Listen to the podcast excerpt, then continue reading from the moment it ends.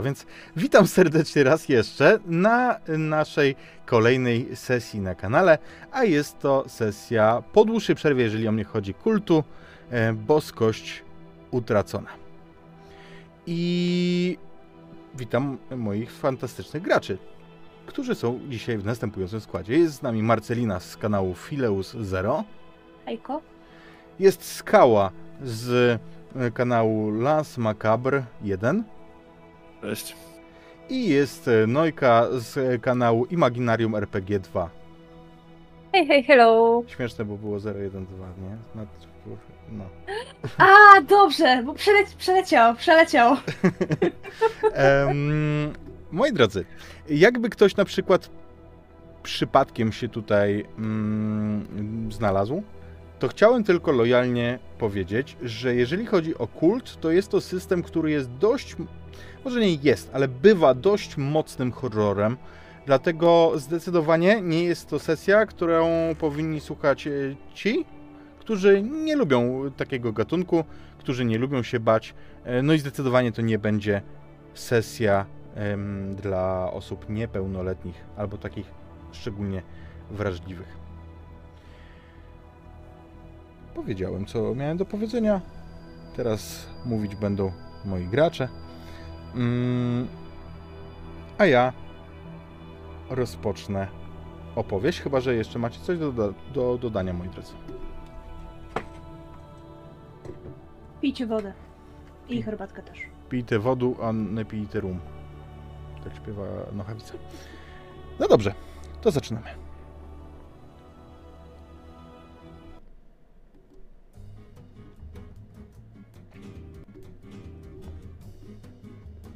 Zaczynamy w momencie, kiedy wracasz z treningu, Mateusz. To już miesiąc w Barcelonie, ale dalej jeszcze jakoś tak się złożyło, że nie sprawiłeś sobie własnego samochodu.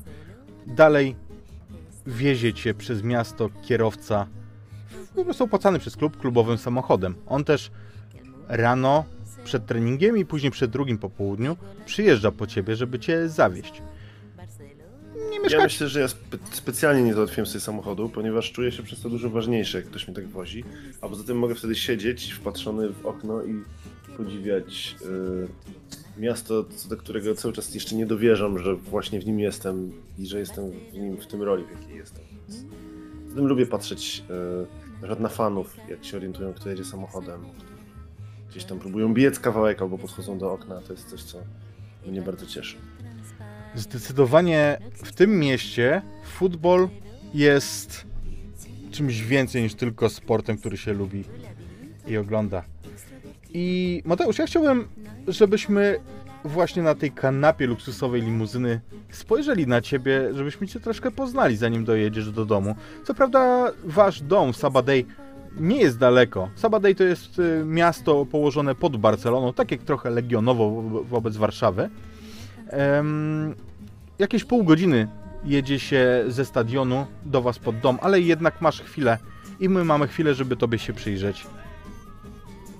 Mm, Więc na tej luksusowej e, kanapie bardzo wygodnie e, siedzi sobie mężczyzna po 30, ale to się nie rzuca bardzo w oczy. Niedobrze mógłby być, mógłby być mieć na przykład 20 o parę lat, bo jest bardzo e, wysportowany, z e, ładną cerą, z jasnymi włosami, w tej chwili związanymi w taki e, kok, czy tam tak naprawdę taki bardziej przywiązany ogonek gdzieś z tyłu do, do głowy, bardzo regularne rysy, duże oczy, e, szeroka klatka piersiowa. On jest ubrany w jakiś taki obcisły podkoszulek, który podkreśla to, jak bardzo jest e, wysportowany i podejrzewam, że jakieś czarne e, dresowe spodnie Adidasa.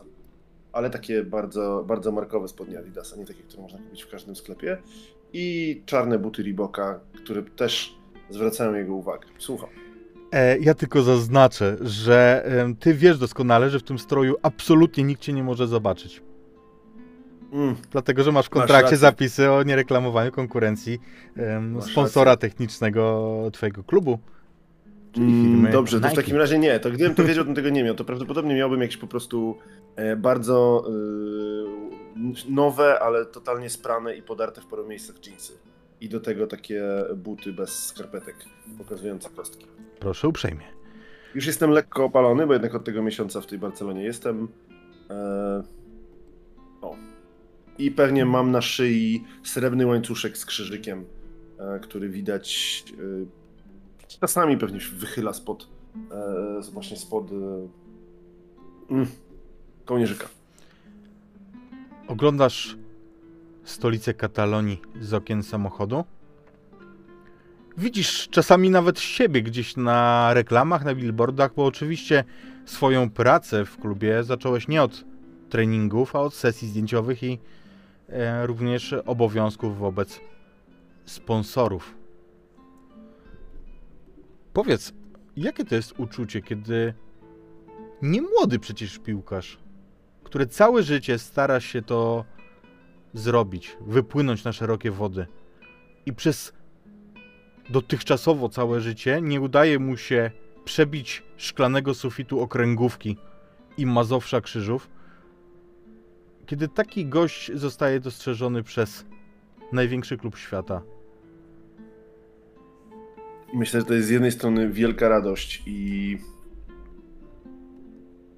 cały czas, jak mówię, od miesiąca to jest takie, to jest takie podniecenie związane z tym wszystkim, co się dzieje dookoła, ale też bardzo silne niedowierzanie i takie momenty, kiedy e, człowiek budzi się w nocy i myśli sobie, Boże, jeżeli to był tylko sen, jeżeli ja cały czas jestem w Krzyżowie, jeżeli tylko mi się wydawało. I wtedy patrzę i widzę, że nie jestem w stanie zauważyć ścian mojej sypialni, jak jest ciemno, jest tak duża i wtedy myślę sobie, nie, to jest to nowe miejsce.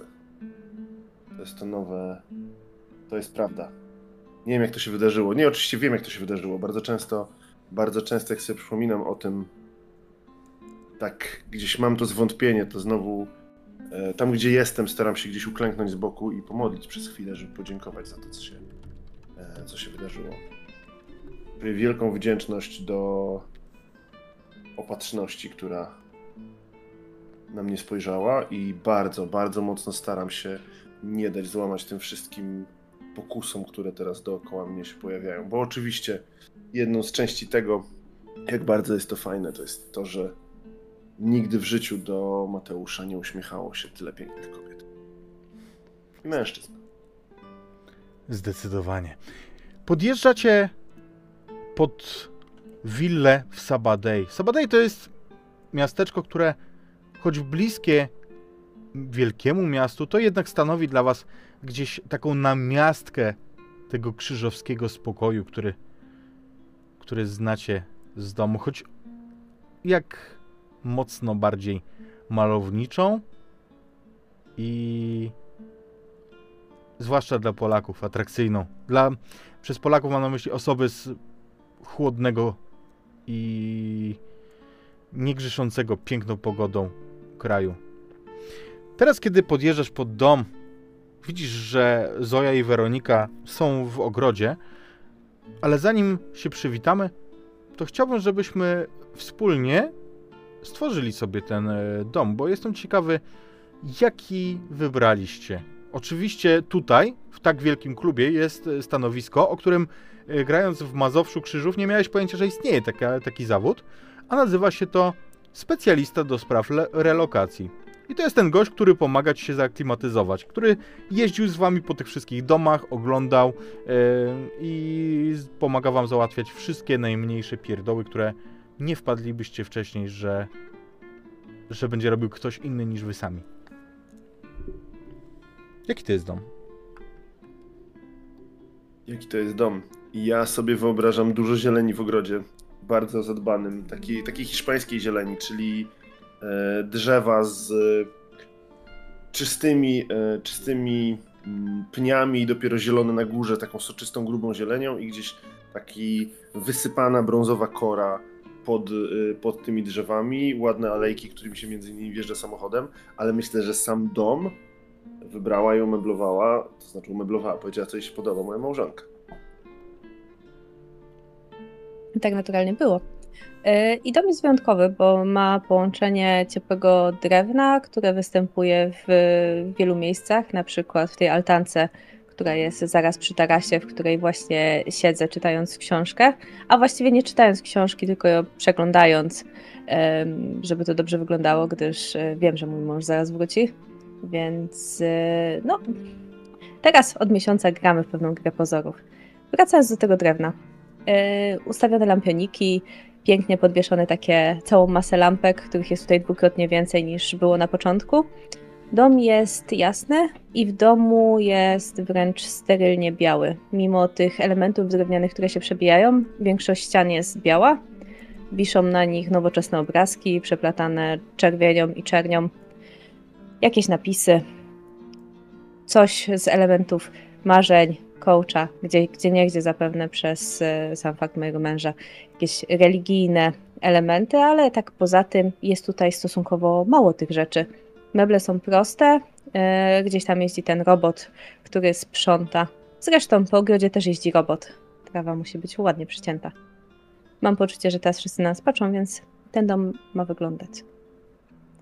Gdzieś tam są też elementy naszej córki, która ma nieco inne podejście do świata, więc e, jej pokój jest takim miejscem, które mogła sobie wybrać sama. Ja myślę, że ten pokój jest. em, On trochę nie wygląda, jakby mieszkało w nim dziesięcioletnie dziecko. Mm, Przede wszystkim jest w nim bardzo mało zabawek. E, Nawet powiedziałabym, że jest w nim jedna, jeden rodzaj zabawki. Na łóżku leży taki stary, sprasowany już miś. I myślę, że to może być w ogóle jakaś zabawka któregoś z Was. E, Wyobrażam sobie taki motyw, w którym mm, ten miś został przekazany Zoi, kiedy się urodziła. I ona go teraz ma. Wydaje mi się, że jest też dla niej ważne. To jest trochę taka zabawka w stylu kocyka bezpieczeństwa, yy, czyli takiego czegoś bardzo ważnego, co dziecko ma przy sobie i to z nimi przez lata już tam sobie jest. Mm, A poza tym ta przestrzeń jest bardzo, bardzo sterylna mm, i taka mocno chłodna. I tak jak mówiłam, jakby weszło się tam, to może można by było poznać, że mieszka tam dziecko właśnie po tym misiu, ale to równie dobrze mógłby być pokój, mm, nie wiem, dorosłej kobiety, która zatrzymała tego misia z sentymentu. Powiedzcie mi jeszcze, to jest duży dom? Oczywiście. Taki, że gdyby się chciało, można tam mieszkać koło siebie, zupełnie się nie mijając. Takie, w którym można się schować przed sobą wzajemnie. Jeszcze Przesłannie. dopytam, wyobrażamy go sobie jako taki duży dom parterowy, czy on ma piętro? Mm, Wyobrażam go sobie jako piętrowy. Myślę, że Dobra. na piętrze jest, są takie bardziej pokoje, mm, może być intymne, czy to właśnie pokój dziecięcy, czy sypialnia, czy jakaś tam garderoba, która ma osobny pokój, to jest garderoba. Y, Dodatkowa łazienka, zapewne bardzo duża, skoro już możemy sobie pozwolić, to z jacuzzi oczywiście. Ale y, na dole jest taka duża, bardzo otwarta przestrzeń, tam prawie nie ma drzwi, poza jednym miejscem, w którym jest gabinet. Kuchnia jest połączona z salonem. Weroniko, powiedz, bo jestem ciekawy. Kiedy Mateusz wysiada, to ich obecność jest zdecydowanie bardziej wyraźna. Czy przyzwyczaiłaś się już do tego, że po drugiej stronie ulicy stoją nie tylko paparazzi, ale też zwykli kibice, fani i fanki? Zdecydowanie tak. Może szybciej niż powinnam, tylko przez pierwsze 48 godzin było to dla mnie zaskakujące. Potem stało się taką miłą codziennością. Właściwie to jak spełnienie marzeń. Dlatego też spędzam czas e, robiąc rzeczy, które jeszcze jakiś czas temu były określane w modzie przez robienie, że that girl. E, Zaczęłam wstawać wcześniej, tylko po to, żeby się pokazać, jak z szejkiem wychodzę na ogród. e, Zaczęłam czytać książki, które wcale mnie nie interesują, ale są na listach topek. Yy, Nawet ich nie czytam, ale siedzę z nimi w ogrodzie, pijąc kawę w idealnej zastawie. Także mm, ludzie motywują do wyglądania jak ktoś, kto ma lepsze życie. No jak już o tym mówimy. Właśnie, jak wyglądacie, kiedy Mateusz wraca z pracy? Co robicie też? Bo co robi Weronika wiem, ale, ale nie wiemy jeszcze, co robi wasza córka. Y, Myślę, że Zoja ogląda mrówki. Patrzy sobie, jak chodzą takimi sznurkami. Może tutaj jest jakieś mrowisko. Ona to obserwuje. Chodzą. A jak wygląda Zoja? Mm, Myślę, że ona jest y, bardzo podobna y, do swojego taty. Ale jak patrzy, to wygląda jak mama. W sensie ma taką ekspresję, jak się porusza, y, to, to gdzieś tam ta ekspresja się wyłania matczyna z niej. Mm, Wyobrażam sobie, że też ma bardzo duże oczy, ale one są naprawdę dosyć takie dosyć duże, nawet za duże, powiedziałabym, jak na jej wiek. Ym, Dzieci jak się rodzą, to mają duże oczy, nie? Jakby dzięki temu są słodkie. Y, Jej te oczy, to nie jest tak, że one powinny zmaleć, ale ta, ona urosła razem z tymi oczami. Mm, I myślę sobie, że mimo tego, że jest tutaj dużo słońca i że Mateusz zdążył się już opalić, y, to Zoja uparcie jest blada. Może dlatego, że w ogóle mało wychodzi na zewnątrz. I to, że ona teraz siedzi w tym ogrodzie i ogląda te mrówki, to prawdopodobnie dlatego, że matka kazała jej wyjść na ogród i zrobić coś ze sobą. A Weronika? Jak wygląda Weronika Nie przy tym kazała. czytaniu? Nie kazała, tylko zachęciła. Generalnie to, to jest ważne też, co jest ubrane y, młoda, bo to jest miniaturowa wersja tego, co ja mam na sobie, przy w takiej bardzo dziecięcej formie. Tutaj ubieramy się na jasno. Trochę to nie pasuje, bo Zoja jest blada i uparcie nie chce się opalać, ale jeżeli chodzi o Weronikę, to ona przygotowała się do tego wyjazdu jeszcze chwilę za tym, zanim, zanim wyjechaliśmy, w sensie solarium, żeby nie odstawać od razu na przyjeździe. Więc e, Weronika jest mocno opalona. Jest ubrana w takie białe shorty, które odsłaniają jej e, opalone nogi oraz w top, który lekko odsłania brzuch i jest przerzucony przez, nad nim taka koszula, również biała, trochę za długa, żeby, żeby po prostu ładnie się wszystko ze sobą komponowało. W, trochę na tą modę, którą tutaj noszą dziewczyny, te, te rzeczy mają więcej ściągaczy właśnie wokół brzucha, na przykład te topy, albo są takie zupełnie proste, ale obcisłe. Tak czy siak stara się dopasować e, do tego, co jest tutaj. Ma brązowe włosy, czysto w taki brązowy, ciemny blond w polskim stylu. Lekko falowane, obecnie ułożone, em, niby przypadkiem przerzucone przez ramię, y, tak żeby pasowało to do pozycji czytającej. Myślę, że gdyby była obecnie na zdjęciach, to wyglądałaby y, jakby pozowała, co oczywiście jest tylko półprawdą. A jeżeli chodzi o jej wiek, no cóż, jest w podobnym wieku do Mateusza, ale mimo to w odpowiednio drogich ubraniach ludzie wyglądają młodziej. Dobrze, więc Mateuszu, wracasz do domu. Te kolejne treningi napawają cię. Albo co ja ci będę mówił, czym cię napawają? Em, inaczej. Czuć na nich emocje, coraz większe podekscytowanie samych zawodników. Bo jest początek sierpnia. Pomimo tego, że żar leje się z nieba. Teraz o 20 jest dalej gorąco, ale już nie tak, e, nie tak strasznie. Ale to znaczy, że za dwa tygodnie rusza sezon. A sezon rusza nie byle jak, bo rusza największym meczem świata. To znaczy Gran Derby. Meczem Barcelony z Realem Madryt na Camp Nou. Dwa tygodnie. Dwa tygodnie. Nieźle. Ja myślę, że ja wyskakuję z tego samochodu już, jak on wjeżdża gdzieś za bramek, to się oczywiście otwiera sama. Yy, mówię do mówię do kierowcy yy, Gracias Pedro i próbując kilku słów się po hiszpańsku nauczyłem tam nawet coś, pewnie z kumplami rozmawiam po angielsku w klubu, ale, ale staram się oczywiście yy, dobrze wypadać na przykład na wywiadach. Kilka słów po, po, po hiszpańsku wtrącić, więc y, tak rzucam i wiedząc, że po drugiej stronie e, są ci ludzie i trzeba dbać o to, jak się jest postrzeganym, to idę w kierunku mojej małżonki. E, w międzyczasie patrzę na Zoję i mówię, Zoja, co robisz? Oglądam mrówki. Oczywiście, y, y, świetnie, fajnie. Wydaje się, że będą przenosić królową. A dokąd mają przenosić królową? Do nowego gniazda. I tutaj jakby chcę podejść do e, małżonki i ją pocałować. Nie jakoś bardzo wylewnie, ale tak, żeby to dobrze wyglądało, jakby ktoś nam akurat w tym momencie, w tym momencie robił zdjęcie. Patrzę na książkę.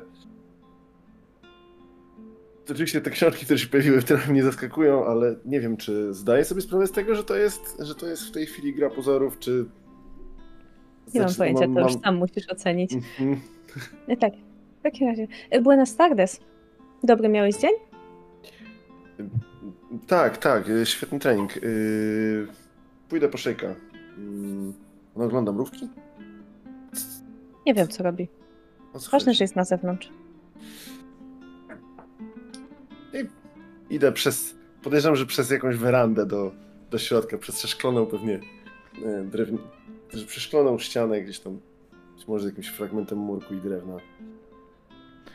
Zrobić sobie szejka. Albo przynajmniej wziąć szejka, którego ktoś mi zrobi, bo nie wiem, czy ma, na ile mamy tutaj jakąś e, służbę. Nie wiem. Wydaje mi się, że to może na takiej zasadzie diety pudełkowej, że one przychodzą, to jest, e, nie powiedziałabym Huel, czy jakieś takie tego typu rzeczy, ale po prostu gotowe, przygotowane, sportowe, coś tam, coś tam, milion białka, się pojawiają rano. Bardzo prawdopodobne jest to, że po prostu przywozi wam Pedro z klubu. O, super. E, bo. Nad ranem, jak przyjeżdża, to to zostawia i ja z nim potem jadę na trening. Tak, bo jakby znaczna część piłkarzy w ogóle żyje w ten sposób, że oni idą jak do pracy, idą na trening rano, po nim y, mają tam na miejscu, na, na stadionie obiad, jakąś odnowę biologiczną i tak dalej, także wy nie musicie, jeżeli nie chcecie, jechać do Okej. domu. Okej. Macie co robić. W międzyczasie, Zoja, ty kiedy obserwujesz mrówki, zwrócisz uwagę w ogrodzie, że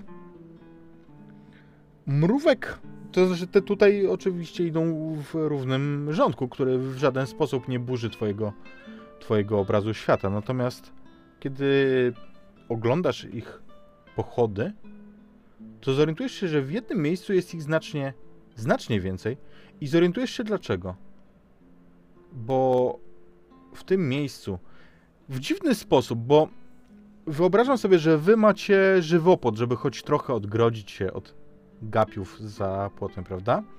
I w ramach tego żywopłotu, ale po waszej stronie, nie, nie także za e, metalowym ogrodzeniem, zauważysz, że tam właśnie kręci się więcej mrówek. Pierwotnie bierzesz to za mrowisko, ale teraz ty widzisz, że coś tam się rusza. No to myślę, że to mnie zaciekawia i idę w tamtą stronę. rzeczone coś jest szczeniakiem. Szczeniakiem. Szczeniakiem, który jest zaplątany w Mhm. te mm, fragmenty żywopłotu. On wisi na nich, on nie leży pod nim, tylko na nich wisi. Popiskuje, ale słabo i cicho. I widzisz, że ewidentnie z nim coś jest nie tak. To szczeniaki tak nie wiszą. Czy można zrobić, żeby on nie wisiał? Możesz Czy zdjąć, w oczywiście. stanie to zrobić? Oczywiście. Dobra, no to w takim razie ja go zdejmuję i patrzę, dlaczego coś jest z nim nie tak. Ja to robię niezręcznie. E, Tam nie ma czułości w tym geście. Po prostu jestem zaciekawiona, dlaczego on wisiał i dlaczego jest coś z nim nie tak. Chcę Mhm. odkryć przyczynę tego. Jasne. Jak go zdejmujesz, on pisnął tak głośno, że myślę, że Weronika też to usłyszysz. E, I ty, Zoja, zdajesz sobie sprawę, że on musiał pisnąć z bólu, że coś go uraziło. Widzisz, że jego na białej sierści, bo jest niewielkim białym szczeniakiem, no bez problemu bierzesz go w dwie ręce, a przecież nie jesteś duża. Mm, widzisz, że ma ślady krwi takiej zakrzepłej pomiędzy, pomiędzy kolejnymi fragmentami futra, które jest, jest takie nastroszone, rozczochrane, ale widzisz, kiedy go podnosisz, że coś jest nie tak z łapą, że on ją trzyma w nienaturalny sposób, że ona sterczy pod delikatnie dziwnym kątem.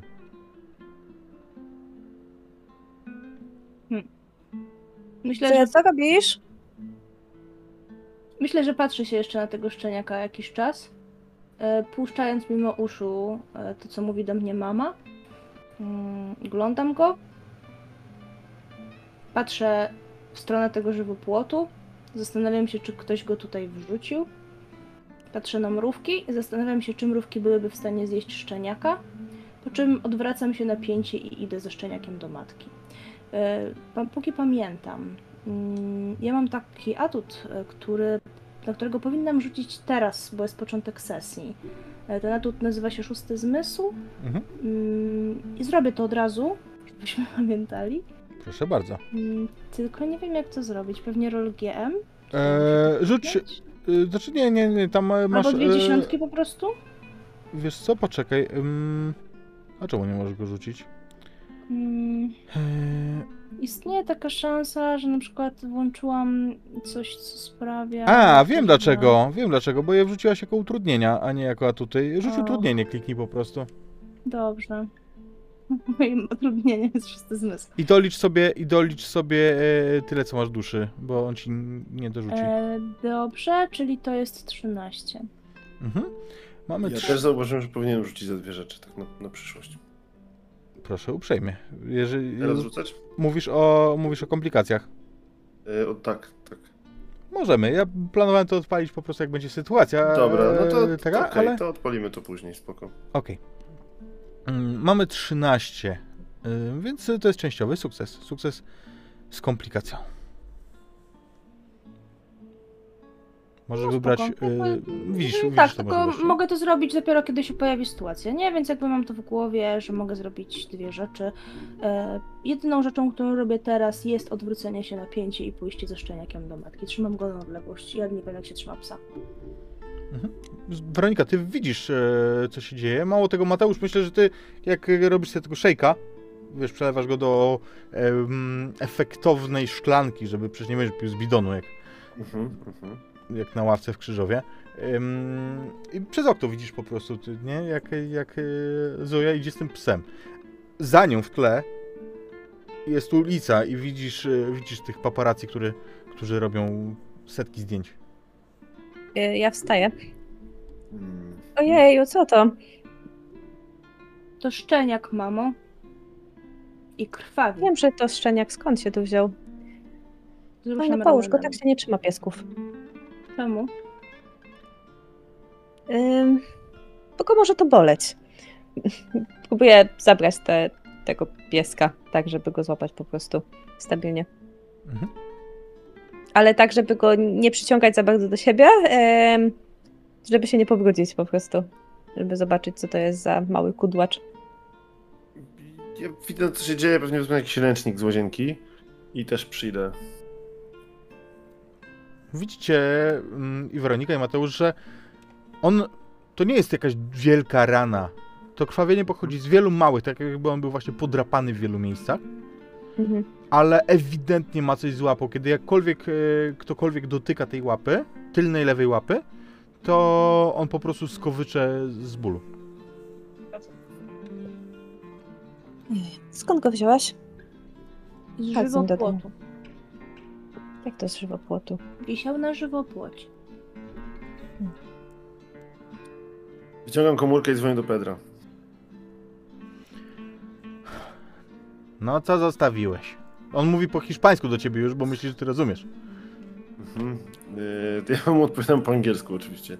Yy, wiesz co, będziemy potrzebowali yy, lekarza do zwierząt, weterynarza, żeby albo żebyś przyjechał i zabrał patrzę Zoję z Weroniką, albo żebyś przywiózł tutaj jakiegoś weterynarza. Są tutaj wetery- weterynarze w Hiszpanii? Nie, nie mamy żadnego. Będzie trzeba jechać do Portugalii. Żartujesz sobie, nie? Tak, Dobrze brawo. zrozumiałem? Ha. Rozwijasz się, kabron. Zaraz będę. Ale to śmieszne. Zaraz przyjedzie Pedro i zabierze was do weterynarza. Ja tracę zainteresowanie psem, wracam do oglądania mrówek. Prawdopodobnie kucam przy tobie Weronika i oglądam te mrówki, które akurat przechodzą obok. Y, Zaraz zabierzemy pieska do weterynarza i już go nie będzie bolało i będziesz go chciała zatrzymać?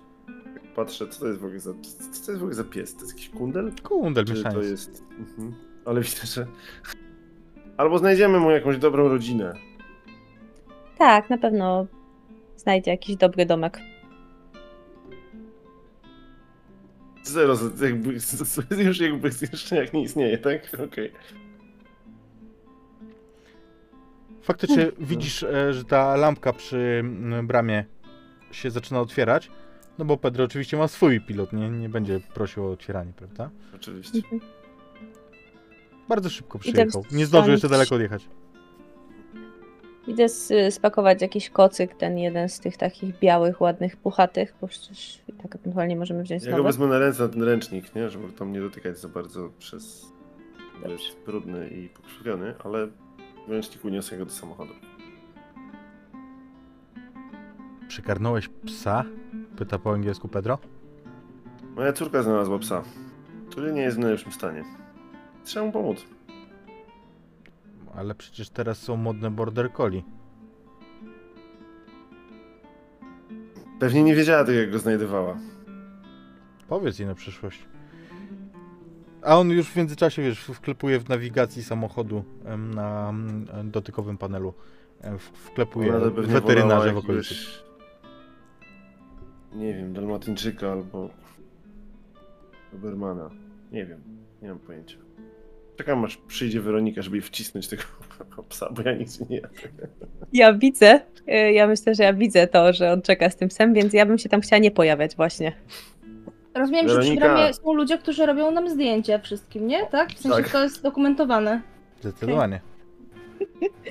Więc ja tak tego pieska tak biorę na ręku, żeby to widać było, że ja tutaj trzymam, tutaj spada trochę ten ręcznik, tutaj ten piesek, ja tak mimo wszystko go trochę pogłaszczę, żeby uśmiecham się do tych e, fanów i krzyczę Weronika! Weronika! Tak, nie? Byłam po Y. polsku. Musisz pojechać z nim do tego weterynarza, ja nie mogę, bo zaraz mnie oblezie e, tłum. Wiesz jak jest.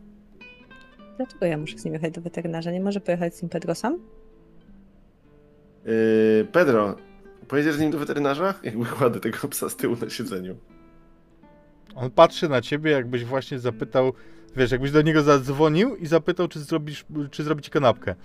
Ja myślę, że to jest doskonały moment, w którym pies po prostu sikuje się ze strachu na, ten, na to siedzenie. Mierda. Słuchaj, dolicz tam czyszczenie i wszystko do, do wydatków, nie? Klub pokryje, a jak nie, to ja pokryję. On na ciebie, cały, on na ciebie patrzy wycieczkę. i widzisz, jakby on y, zastanawia się, czy się roześmiać w twarz, czy cię z, wyzywać. On pracuje, wiesz o tym, bo rozmawiałeś z nim, on pracuje w klubie 20 lat. Mhm. Nie takie rzeczy już przewoził. Zdecydowanie, ale y, widzisz jego minę, kiedy mówi, że klub, zapłaci i tak dalej, to widzisz jego minę jakby nie wie, czy, czy, czy macie wyśmiać, czy co. Ale on bierze tego, znaczy ten pies tam jest w tych szczynach, Mhm. on w międzyczasie ruszając, widzicie jak daje mu tam jakieś chusteczki, kładzie obok niego, tak żeby jakkolwiek to nie ciekło dalej. I rusza. Ja idę umyć ręce. Staram się, żeby nie było widać, jak bardzo chcę je umyć, bo fani patrzą i nie mogę wyglądać jak ktoś, kto się brzydzi małego pieska, ale on był brudny i, i, i zakrwawiony. Słyszysz tam z, z ulicy, wiesz, oczywiście krzyki fanów. To jest coś, do czego trzeba przywyknąć, nie? Mateo, Mateo! I faktycznie idziesz, idziesz e, znowu do, do domu umyć ręce. Dostajesz w międzyczasie powiadomienie na swoim telefonie, e, kiedy wchodzisz jeszcze, wiesz, nie dotykając niczego, czego nie musisz. Tak jest. w międzyczasie, Zoja, ty. Mm, ty przyglądasz się mrówkom. Tak. Ale twojej uwadze niewątpliwie nie uchodzą ci ludzie po drugiej stronie, bo Mhm.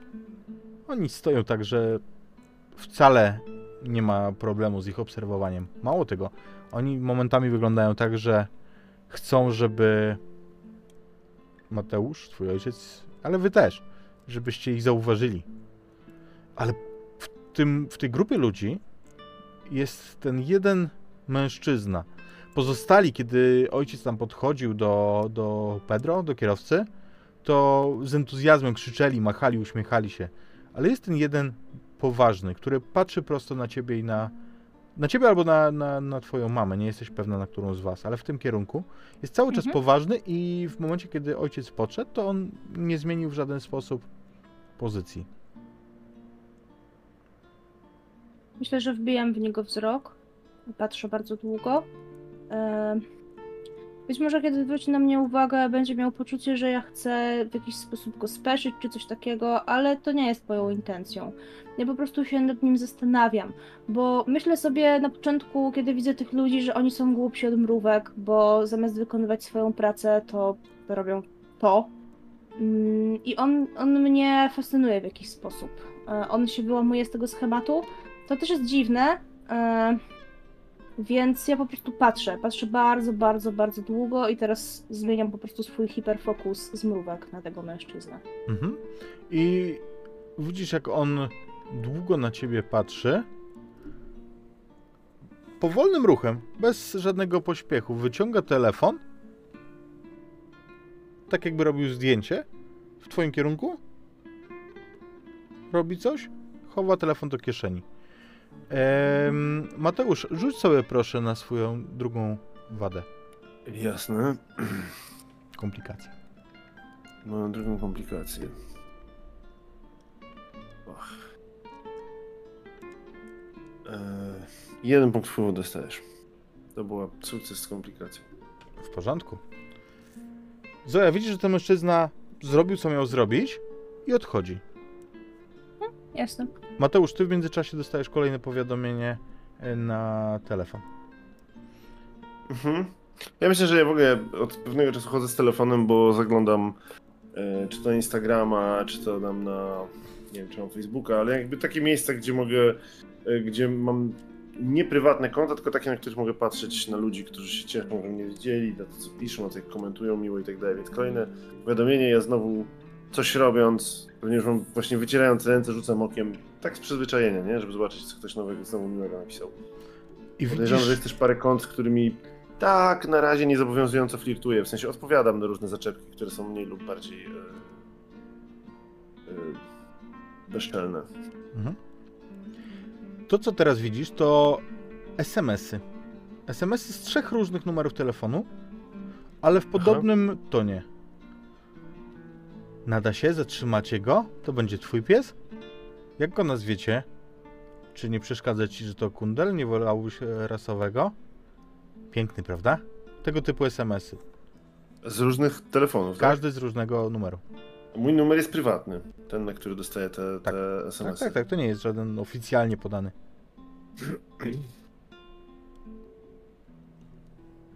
Nie odpowiadam. Powinniśmy wyjść gdzieś w tym tygodniu. Mówię, sięgając po lemoniadę, zanim jeszcze wrócę do ogród do czytania książki. Na pewno będzie jakiś bankiet związany z tam z rozpoczęciem sezonu czy coś. Eee... Rzucam jeszcze nazwisko jakiegoś mojego kolegi z klubu, który prowadzi bardzo e, aktywne życie towarzyskie, który też nas, też nas pewnie zapraszał na jakieś swoje Mhm. e, O, świetnie, lubię go. krauty. Powinniśmy się do niego przejść. Powiedzmy, że Federico. Federico. No, mm, tak. Myślę, że to może być bardzo sympatycznie i. No i będzie takie bardziej kameralne grono. Kameralne? 100? 200 osób? Nie, właśnie, wiesz, myślę, że 40-50 max. No. On tam zaprasza y, wszystkich z drużyny, prawie wszystkich z drużyny z partnerkami i chyba wszystko. To bardzo miło, że cię zaprosił. No jakbym, jakbym mógł nie zaprosić, to jest spokój. Nas teraz wszyscy zapraszają. Hmm. Uśmiecham się na myśl o Federico, bo, bo to jest faktycznie miły gościu. Trochę pozer, ale, ale miły. Jakie ty ma prowadzisz, fajny basen. jakie ty prowadzisz te swoje social media, e, Weroniko? Gdzie ty jesteś tą influencerką? Wszędzie. W sensie ja prowadzę Instagrama takiego ym, z życia zwykłej osoby. Mhm. Em, oprócz tego prowadzę vlogi na YouTubie, e, trochę odnośnie tych miejsc, które warto zobaczyć tutaj w okolicy, em, problemów i on jest generalnie bardzo pozytywny. Z, z takich drobnych problemów i jak je rozwiązać w prostym życiu prostych ludzi, jakieś zajawki obecnie psychologiczne, bo takie właśnie książki udało mi się zdobyć z list topek. A oprócz tego y, jeszcze na polskim internecie mam Facebooka, tylko po to, żeby dla tych wszystkich matek, które teraz y, siedzą ze swoimi dziećmi, pokazywać, jaką wspaniałą matką jestem, zdjęcia z Zoją, które są bardzo regularne, wspólne śniadanko, do którego kazami usiąść na minutę codziennie i tak dalej. W Tak dalej, porządku. tak dalej. Więc w tym momencie y, gdzieś oczywiście, żeby, żeby zaspokoić FOMO, kiedy rzucasz okiem na telefon, widzisz powiadomienie i miga ci, y, miga ci właśnie w tym powiadomieniu nazwisko Orłowski. Wasze nazwisko. No to y, sprawdzam to powiadomienie. I to krótka wypowiedź jednego z dziennikarzy, polskich dziennikarzy. Mhm. Selekcjoner reprezentacji, i tutaj cytat, Mateusz Orłowski to y, objawienie tego roku. Myślę, że zalajkuję. Dwukrotnie tapnę dam serduszko, nawet gdzieś tam pewnie po, podeślę na jakiejś grupie, bo że mój mąż jest taki wspaniały. I za chwilę później, dosł- dosłownie moment potem, widzisz kolejne powiadomienie, jak, jak oni to szarują.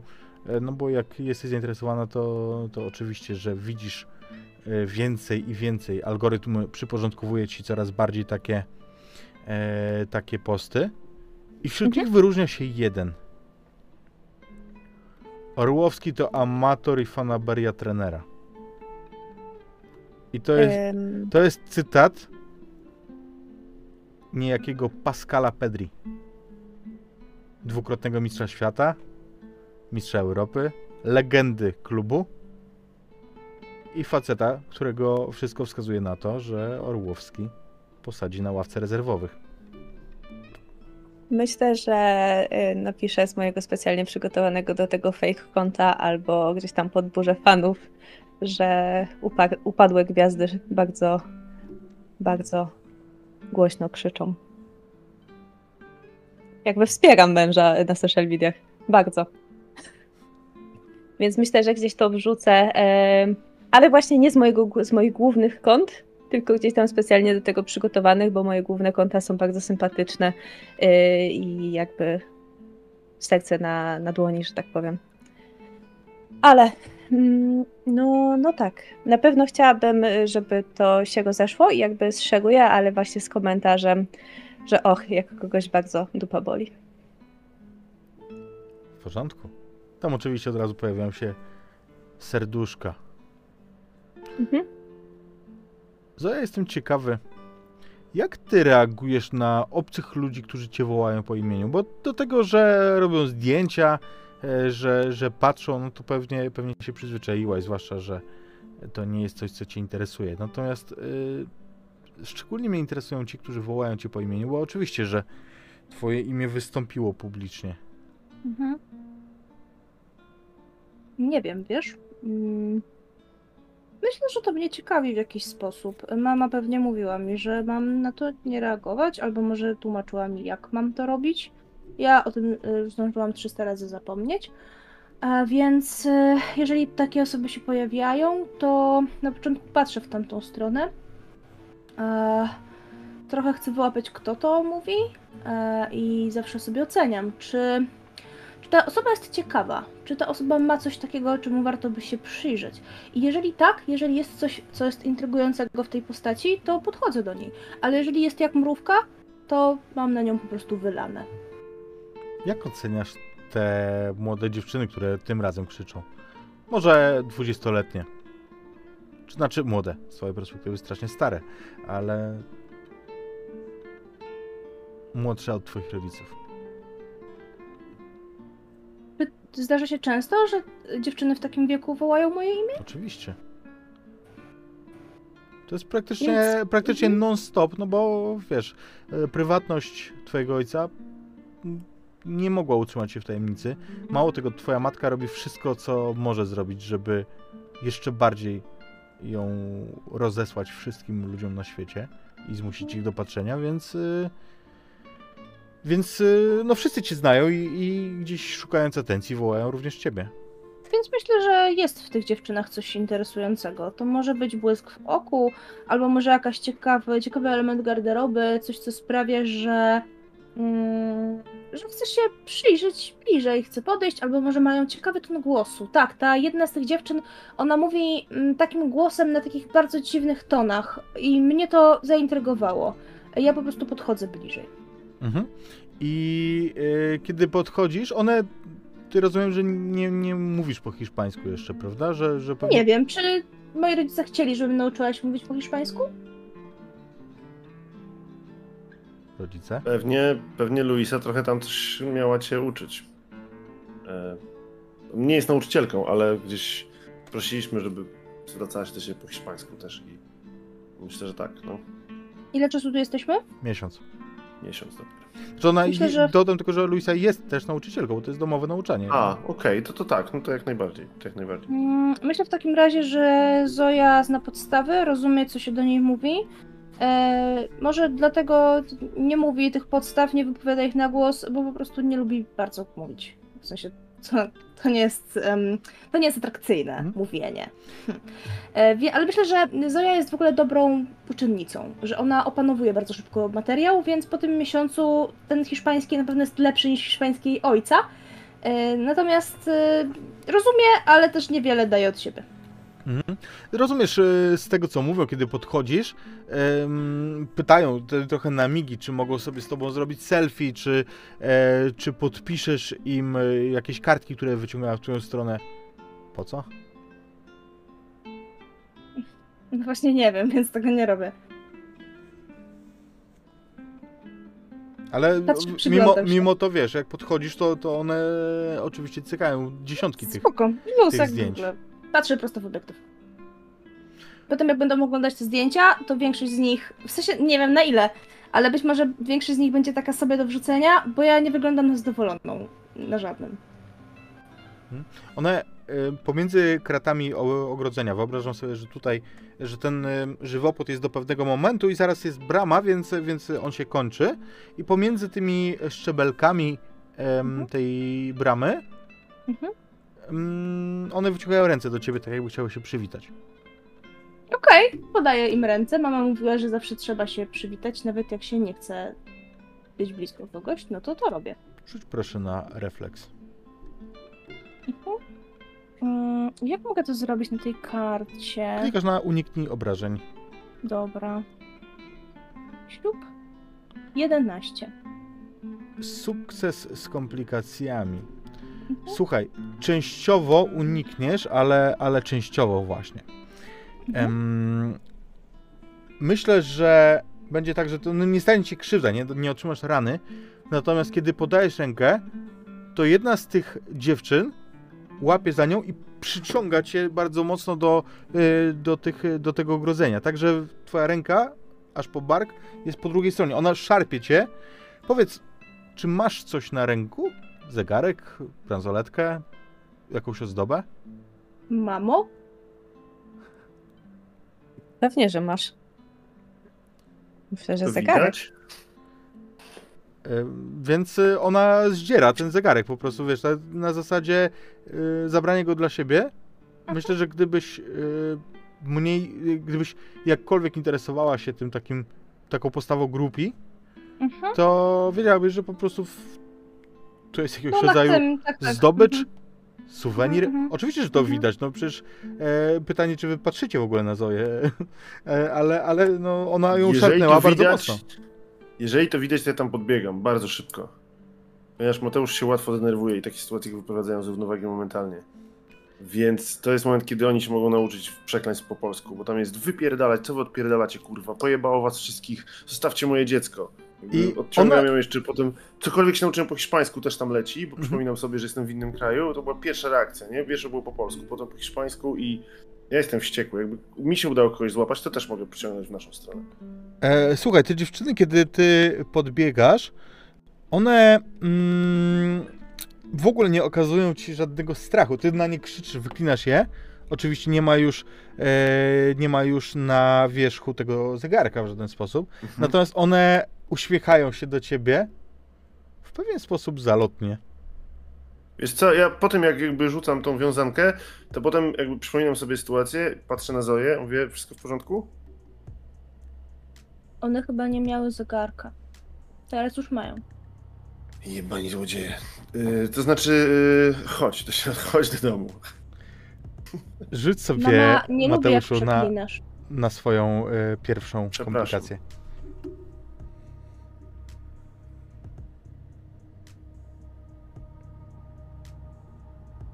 Okej, mam jeden punkt Sukces z komplikacją. Jeden punkt wpływu dla mistrza. Dos- Doskonale. Więc widzisz, jak one. Za... No, wyobraź sobie sytuację. One przed chwilą szarpały twoją córkę, ty e, podbiegłeś z ewidentną agresją, a mimo to one zalotnie się do ciebie uśmiechają i w tym momencie, jak ty nawet tam podbiegasz, jak, jak wiesz, jak krzyczysz, wykrzywasz e, twarz w złości, robią sobie z tobą selfie.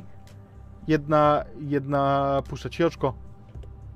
Jakby zabieram Zoję, nie zwracam, nie zwracam na to, w tej chwili nie zwracam na to uwagi, nie? Później może sobie przypomnę i nawet się uśmiechnę do siebie, ale na razie, na razie jestem wściekły. Weronika, a ty na pewno nie przegapiłaś tej, tej całej e, akcji, bo em, twój mąż wybiegł jak strzała, ale. Ale czy jakoś zareagowałaś na nią? Em, może kiedy już skończył krzyczeć po tych ludziach i się ogarnął. Mateusz, Zoja, chodźcie do domu. Zwierzęta, po prostu zwierzęta. W Polsce to jest, to było nie, niewyobrażalne, wiesz? Pamiętaj, że tutaj ludzie są nieco inni, trochę bardziej, trochę mniej cywilizowani. Głaszczę Zoję po głowie. Kochanie, wystawiaj rąk za ogrodzenie, dobrze? Nie Nie dotykaj ludzi za... Dobrze, nie dotykaj ludzi za płotu. Ale powiedziałaś, że trzeba się witać z ludźmi, jeżeli o to Wystarczy, chodzi. że im pomachasz następnym razem i że powiesz im dzień dobry. Zoja to zapamiętuje i będzie tego przestrzegała bardzo skrupulatnie yy, i wyobrażam sobie sytuację, w której kiedyś spotkamy się w jakiejś takiej, nie wiem, na jakimś rodzaju przyjęcia albo jakimś takim spotkaniu i ktoś z dorosłych ważnych wyciągnie do mnie rękę, a ja mu pomacham, bo mama mówiła, że należy pomachać. Mhm. Ale kiwam głową, przyjmuję to bardzo poważnie. yy, nie wydaje się skruszona, po prostu przyjmuję te informacje. Mhm. Wszystko w porządku? Tak. No, Zabrali zegarek. no to idź sobie. To idź sobie wziąć lody. Idę. Rzeczywiście. Biorę lody. Nie możesz krzyczeć po ludziach. A poza tym nie powinieneś przeklinać przy dziecku. Nie mogą dotykać... Wiesz, jak to potem jest. Jest wyrwane z kontekstu. Puszczą cię w jakichś social mediach i będzie, że Orłowski agresor. Mogli jej zrobić krzywdę. Mogli, ale tego nie zrobili. Po prostu unikajmy takich sytuacji, a ty nie krzycz po ludziach. Pamiętasz, jak to było poprzednio? Tam, na boisku w Krzyżowie, kiedy jeszcze byłeś na treningu z trenerem Kornatowskim, kiedy chłopaki przesadzili tamtego dnia, kiedy zaczęli w trakcie treningu, pomiędzy ćwiczeniami, niewybrednie żartować z twojej córki i żony, które były na trybunach z jakiegoś powodu wtedy, przyszły zobaczyć cię. No właśnie, czy była dla ciebie gra w Mazowszu Krzyżów? Pracą? Czy pracą było jednak to dora- dorabianie większej części zarobków w Tauropolu? Mm, To była ta praca, która jednak czasami dawała takie momenty przy, przyjemności, możliwości zapomnienia. Wiesz, jak się e, gdzieś biegło, jak była szybka akcja, albo jak jakieś treningi nawet takie bardziej męczące, to wtedy, to wtedy można było zapomnieć, że to jest praca i wierzyć w to, że się gdzieś przebije. Chociaż ja już w pewnym momencie zaczynałem myśleć o tym, że może to jednak nie nastąpić. A wtedy, jak się zaczęli niewybrednie żartować, to było tak, że pierwsze jakieś dwie uwagi e, skwitowałem też jakąś złośliwością, ale już widać było po mnie, że się denerwuje i trzecia osoba, która nie wyczuła sytuacji, dostała w ryj po prostu. Myślę, że to był bramkarz. Em, I no duży, duży chłop. Chociaż może to zły też nie pomysł. jestem mały, to jest nie? zły To pomysł. jest, pewnie byłem... To Słucham? jest zły pomysł, to nie był bramkarz, bo bramkarz e, Mazowsza Krzyżów jest, jest Ukraińcem akurat, a to byłoby, zaraz mi ktoś dorobi do tego teorię. Mm, Okej, nie, e, to nie był bramkarz, to był in- Sebek Sikora, o. dobrze. E, więc faktycznie, Weronika, ty widziałaś i Zoja zresztą też, bo myślę, że byłyście jednymi z niewielu osób, które siedziały na tych trybunach, no bo kogo obchodzi trening półamatorów, a w zasadzie całkowitych amatorów, którzy dostają po parę stów. I widzicie, jak, jak Mateusz po prostu zaczyna tłuc kolegę, no bo przecież znacie, e, znacie Sebastiana. Ja się zastanawiam, czy go zabiję. Zabił? Zabił? Nie zabił. Ja myślę, że szybko go odciągnęli. Prawie. Myślę, że jestem zawiedziona. Czy tam był złamany nos, jakiś pęknięty łuk brwiowy, coś takiego. Ten Sebastian Sikora, młody chłopak, em, który oczywiście, że Weronika i Mateusz wiecie, że obok grania w piłkę dorabia sobie jako dealer w miasteczku.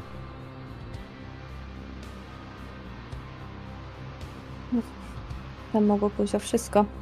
Chociaż nie wiem, na ile głośno żartowali, ale jeżeli usłyszałam, to w sumie dobrze, że zareagował. Ale by go tylko nie zabił. Niepotrzebne problemy. No, Ale myślę, że od czasu do czasu oklepać mordę młodzikom się przydaje. A kim jest ta poprzednia Weronika? Em, Myślę, że poprzednią Weronikę zobaczymy w takim dość luźnym, sportowym dresie. E, Chodzi o to, żeby było wygodnie, szczególnie, że przyszła z córką pooglądać mecz. To nie jest tak, że bardzo interesuje się sportem, zna zasady i na jakimś poziomie wspiera Mateusza w tamtym momencie. E, Chociaż, chociaż na tamtym momencie byłoby lepiej, jakby zaczął porządnie zarabiać, a nie, a nie tak naprawdę zaharowywać się w dwóch pracach, z czego żadna nie przynosi sensownego zysku. Także może lekko sfrustrowana, zdołowana dzieckiem, z którym nie do końca wie, jak sobie poradzić. Szczególnie, że nie była na nie gotowa w życiu i wydaje się, że od 10 lat dalej nie jest na nie gotowa. No ale mimo wszystko, e, mimo wszystko matka, więc co jakiś czas trzeba wyjść z dzieckiem z domu. Mówią, że trzeba. Męża też wspierać trzeba, tak mówią, bo mógł być gorszy.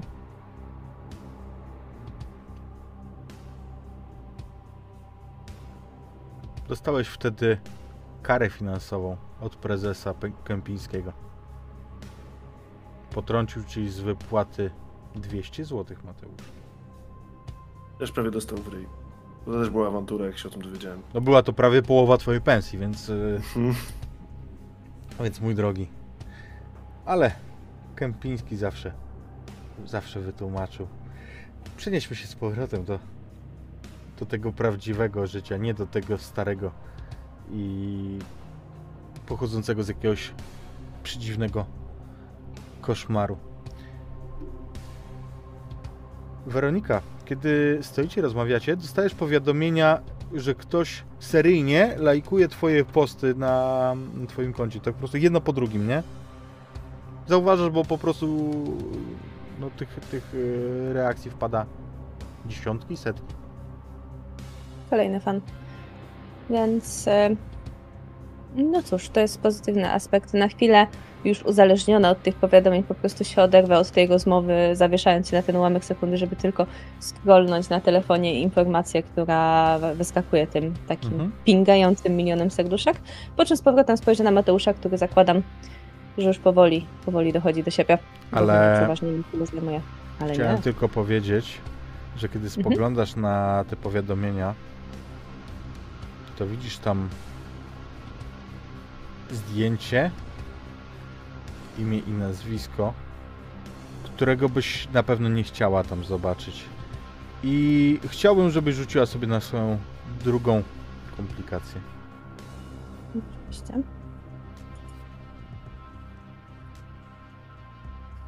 Porażka. Porażka. Widzisz pod każdym zdjęciem serduszka i uśmiechniętą ironicznie przy każdym, e, przy każdej tej reakcji na zdjęciu uśmiechniętą twarz. Trochę tak. Em, trochę tak, ale mam na myśli, że na zdjęciu na miniaturce Sebastian, Mhm. ale wcale nie ten Sebastian Sikora, o którym przed chwilą myślałaś, Hmm. tylko ten drugi Sebastian lajkuje po kolei twoje posty i widzisz, że znalazł cię, co nie było specjalnie pewnie trudne. Teraz już pewnie nie, ale minęło już też dużo czasu. Więc y, reakcja, którą przed chwilą opisałam, byłaby standardową reakcją, y, jaką widzimy setki razy dziennie u Weroniki, że ona po prostu zerknie, coś tam puści i, i faktycznie wraca do rozmowy lub do, ym, do ponownego kontaktu z kimkolwiek, ale tym razem ona zawiesza się na dłużej i przez chwilę wpatruje się w telefon jak zahipnotyzowana żeby zamknąć go i jeszcze przez chwilę wpatrywać się w wyczerniony ekran, po czym schowa go powoli do kieszeni tych shortów, które ma na sobie. No, coś zrobiło na tobie wrażenie. To nic, Co ci wysłali, przyznaj się. to nic. Nie jest tak interesujące jak e, twoje zdjęcia. W ogóle twój ten Pascal e, dużo krzyczy w mediach. No, to jest, wiesz, no, nic innego mu nie zostało. Tak. Co ja? Dobrze zrobiłeś, że nakrzyczałeś na tych. Dokończ, dokończ. Dobrze zrobiłeś, że nakrzyczałeś na tych badafianów. Jednak dobrze? Tak, bardzo dobrze. Całuję go w policzek i idę czytać książkę. Na dworze oczywiście. Mhm. Zoja, jak się nazywa twój przyjaciel? Albo jak ty go nazywasz?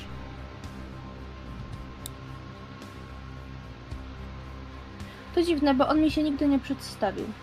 Mm, Ja jak mówię do niego, to mówię ty. I jestem z nim po prostu na ty. On wie jak mam na imię, bo mówiłam mu to wielokrotnie i on też, on do mnie mówi po imieniu. Ale ja nie czuję potrzeby, żeby nazywać go imieniem. Imiona są niepotrzebne. A jak wygląda? Czy Myślę, w że ogóle jest wiesz, jak pustką. wygląda? Czy, czy tego widzisz, Jest tak wiesz? totalną pustką. To znaczy, jego nie widać, e, bo jest wymyślonym przyjacielem, prawda? E, Ale ja wiem, że on tam jest. I teraz z twojego pokoju, kiedy rodzice rozmawiają o tych nudnych sprawach, o social mediach, o programach, o mm, zainteresowaniu mediów, to słyszysz ze swojego pokoju dźwięk przesuwanej po podłodze szklanki. To charakterystyczne szurnięcie. Patrzę w tamtą stronę. Wchodzisz do pokoju, rozumiem? Czy ty już tam byłaś? Mm, Mogę, mogę wchodzić do pokoju. W sensie trzymam tego loda, którego mama kazała mi wziąć i on jest jeszcze nieodpakowany. I jakby wchodzę. Naciskam na klamkę, patrzę. I widzisz, że szklanka, którą wstawiłaś pod łóżko, jest wysunięta na środek pokoju. Jest pusta? Tak, oczywiście. Więc wsadzam, e, odpakowuję ten, te lody i wsadzam patyczkiem do góry i wsadzam szklankę pod łóżko. Bałaś się?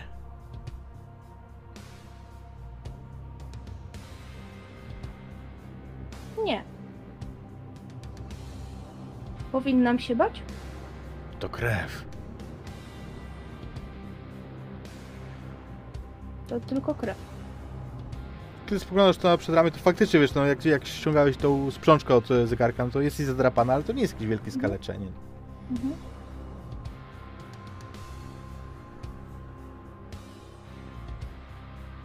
Czy powinnam się bać? To obcy. Tylko... Tylko tutaj, tylko ze mną jesteś tak naprawdę bezpieczna. Ale ty nie pozwolisz, żeby mi się stała krzywda. I dlatego się nie bałam. Hmm. Wy słyszycie, jak Zoja mówi w pokoju. Znowu. Mówi do siebie, tak? To jest coś, do czego jesteśmy przyzwyczajeni, podejrzewam. Więc tylko patrzę e, na sufit, po czym odpalam telewizor. Tam jest duży, podejrzewam, duży, duży, płaski ekran na jednej ze ścian. Mhm. I em, oczywiście na jakiś kanał sportowy? Tak, tak, tak. Patrzeć.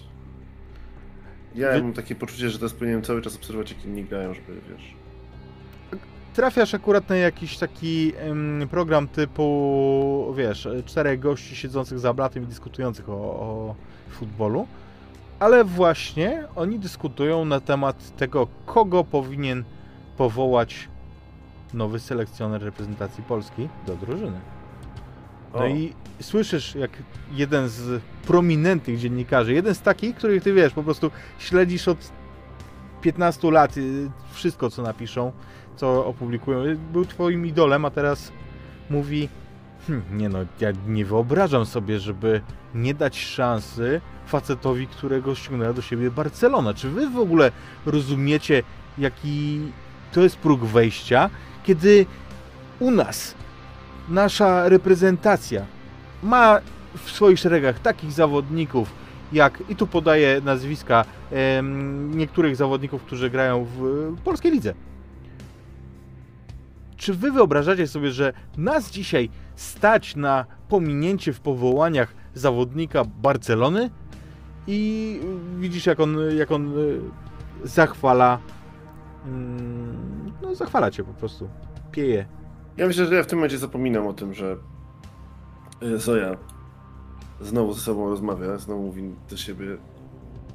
Tak jest łatwiej, nie? Jakby skoncentrować się na tym, co jest w życiu e, piękne, co się w tej chwili udaje, a problem, pro, o problemach nie myśleć. No, z tego wyrośnie przecież. Nie chciałabyś tego psa. Jest ładny. Psy są brudne. Można je umyć. Czy ty chciałbyś tego psa? Tak. Jest miły. To powiem im, że chcę tego psa.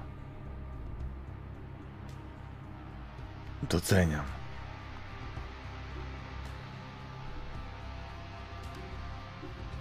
I myślę, że odwracam się napięcie i wychodzę z pokoju, Mhm. żeby powiedzieć rodzicom, że chcę tego psa. Jak wychodzisz, to za sobą słyszysz dźwięk przesuwanej szklanki.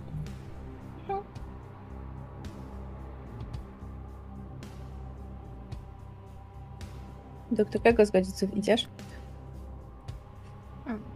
Do ojca. Wstaję. Mm, nie odzywam się w ogóle i myślę, myślę, że stoję tak przez 3 minuty. To nie zauważam, że ona tam jest, mówię, siadaj, siadaj, nie stój tak, zobacz, możesz posłuchać na siedząco. Co się stało z tym psem? Z jakim psem? Z tym psem, którego dałeś Pedro. Ja nie dałem żadnego. A, z tym szczeniakiem, co go znalazłaś. Mhm. No on go zabrał do weterynarza, do takiego lekarza dla zwierząt. A czy wróci tu? Yy... Chcesz, żeby wrócił? Kiwam głową. Wyjmuję telefon i dzwonię do Pedra. Nice. E, po czym siadam obok ojca na kanapie. Kładę ręce na kolanach. Jestem wyprostowana. Pronto, Mateo. Słyszysz taki Ej, słuchaj, zmę- z tym psem zmęczony to ton. Z tym psem to jest taka sprawa, że jak tam wszystko już będzie ok, to ten weterynarz da znać i go przywieziesz, nie? Pięknie proszę, ja wiem, wiem, robimy problemy, ale wiesz jak jest, nowe miasto, dziecko się dopiero aklimatyzuje, to pomoże na pewno. Rozumiesz hiszpański na tyle, żeby zrozumieć to, co on powie po hiszpańsku, tak nad słuchawką. Kurwa, no teraz chcesz szczeniaczka. Ale... Mm, tak, Ale o, Jak, jak oczywiście. tu ale tego, ale tego szczeniaczka, okej? Tego. Perito, no, tego, tego, tego perito. Perito, dobrze. Będzie Perito. Zadzwonię tam Jesteś za chwilę. nieoceniony. Jesteś nieoceniony. Ja nie wiem, jak ty z nimi wszystkimi wytrzymujesz, wiesz? Ja też nie. Słyszysz tam, po drugiej stronie, słyszysz takie wielkie napięcie. Aha. On, on nie powie ci nie. Natomiast ty dobrze wiesz, że No. Pedro ma żonę, ma dzieci ym, i ma telefony o różnych porach. Mhm. Wiesz co, jak tylko um, jakby od ten wyłączę telefon, ja jeszcze nie mam takiego poczucia, że jestem gwiazdą i wszyscy mnie powinni obsługiwać. Trochę się do tego dopiero przyzwyczaiłem. Więc dzwonię do swojego agenta. Mam kogoś takiego jakiś agent. Oczywiście, po, tylko powiedz, y, powiedz mi, to jest y, agent z Polski, on wiesz, pomógł, pomógł ci od początku i promuje cię i, i to jest Polak, czy zatrudniłeś jakiegoś, wiesz, jak Barcelona ci zobaczyła, to wtedy zatrudniłeś agenta takiego, Myślę, że wtedy zatrudniłem agenta i to jest jakiś międzynarodowy agent. okej, Może to jest na przykład jakiś kurczę w ogóle Francuz na przykład, który niech będzie, e, działa. On się nazywa na pewno Pier. kur... Pier i Pedro, to będzie, będzie dużo. Bo będziemy się mylić, jeszcze- będziemy się mylić. Zwłaszcza, że jest jeszcze Pascal Pedri. Nie, niech on się nazywa, kurczę, Antoine. Antoine. Dzwonię do niego i oczywiście rozmawiam z nim po angielsku, też nie jakimś super angielskim, ale mówię, słuchaj Antoine, y, musimy wysłać do Pedra, kojarzysz tego kierowcę, Mm. wiesz jakieś kwiaty jego żonie, a jemu nie wiem, ja nie wiem co on lubi pić. Co lubią pić Hiszpanie? Wino, nie? To jakieś wino dobre, francuskie najlepiej, bo takie są najlepsze. Dobrze mówię? Mam tobie wysłać, i- znaczy twojemu Nie, kierowcy, nie mi, Pedro, Pedrowi. Ja się nie znam na tym, przecież nie kupię dobrego wina. Francuskie wino, bo lubią je pić Hiszpanie. W ogóle nie mów Hiszpanie, bo oni się wkurwiają. Rozumiesz? To jest Katalończyk. Ale jesteśmy w Hiszpanii, jaki katalończyk? Z Katalonii. Dobra, no okej, wierzę ci. Czyli jesteśmy w Katalonii. Yy... To w każdym razie, okej? Bo Pedro, wiesz, przywiózł szczeniaka, zawiózł szczeniaka, załatwił nam weterynarza, zajmuje się nami bardziej niż powinien, to powinien dostać jakiś prezent. Tak, szczeniaka. Wyślę mu szczenia... e, Wyślę mu wino, dobrze. Dzięki. Jest jakaś... Odkładam słuchawkę, Myślę, że dochodzi 21. Mniej więcej. czocham, czocham Zoję po głowie, mówię, będzie szczeniaczek. Pedro cię nie lubi. Nie, Pedro się po prostu na mnie denerwuje, bo y, zawracam mu głowę czasami, wiesz? Ale na tym polega jego praca, żeby znosić takich ludzi, bo my tu jeszcze nie mamy samochodu i nie możemy Ale ty nie wszystkich chcesz rzeczy mieć sami. samochodu. Słucham? Gdybyś chciał mieć samochód, to już byś go miał. Mama tak mówi. Mm, To nie jest takie proste, jak się czasami mamie wydaje, wiesz? Ale ty nie chcesz mieć. Ale ty nie chcesz mieć samochodu. Mm, Jeszcze się cały czas zastanawiam, jaki. Poza tym, y, na razie jest wygodniej mieć kierowcę. Jak powinnam nazwać szczeniaka? A jak byś chciała go nazwać? Wzruszam ramionami. Y, A jaką masz ulubioną bajkę? Ale zadałeś mi teraz pytanie. E, ja myślę, że Zoja ogląda Animal Planet totalnie. I, I jakby wyobrażam sobie, to jest jedyna nazwa programu, który teraz. David. Attenborough, nie? Nazwij tak psa, Nie, proszę nie. cię. Dobra, niech będzie David, bo to jest imię jak dla człowieka i myślę, że Zoja mogłaby to zrobić. Ja się śmieję, bo na pewno jest jakiś David. Na pewno jest jakiś Dawid w tym, w tej chwili w Barcelonie, który jest e, moim kolegą z boiska i mówię, o, to jest świetny pomysł. Dlaczego? Bo y, wiesz co, znam jednego Dawida i go lubię i on się na pewno ucieszy. Dobra. Złym człowiekiem, myślę sobie w międzyczasie, oszukuję swoją córkę, ale nie będę jej tłumaczył, dlaczego to jest dobry żart, więc tak odpowiedziałem. Wyobrażasz sobie w tym momencie Dawida z FC Barcelona, wiesz? Niech to będzie jakiś młody napastnik, ale taki rokujący, taki, którego wszyscy stawiają em, w roli przyszłego po prostu zdobywcy złotej piłki za lat, nie wiem, 10. Y, I wyobrażasz sobie go teraz w, w zestawieniu z merdającym ogonkiem. Mama nie chce szczeniaka. No ale to będzie twój szczęk, ale wiesz, że będziesz musiała z nim wychodzić na spacer. Znaczy do ogrodu. To na spacer czy do ogrodu? Na spacer do ogrodu. Mhm. ja Ale już on, jestem będzie, przyzwyczajony do, tych pytań. on będzie robił kupę. A No i nie właśnie, będziesz musiała ją sprzątać. Będziesz musiała brać e, łopatkę, kopać dziurę, wsypywać kupę do dziury i zasypywać. Mhm. Zupełnie jakby... Moglibyśmy rozmawiać o ułamkach, nie? Mm. A co jedzą psy? Będziesz musiała się dowiedzieć. O, Myślisz, to jest zadanie jedzą dla ciebie. mrówki? Jak są bardzo głodne. Nie, psy jedzą mięso. Yy, I czasami kaszę.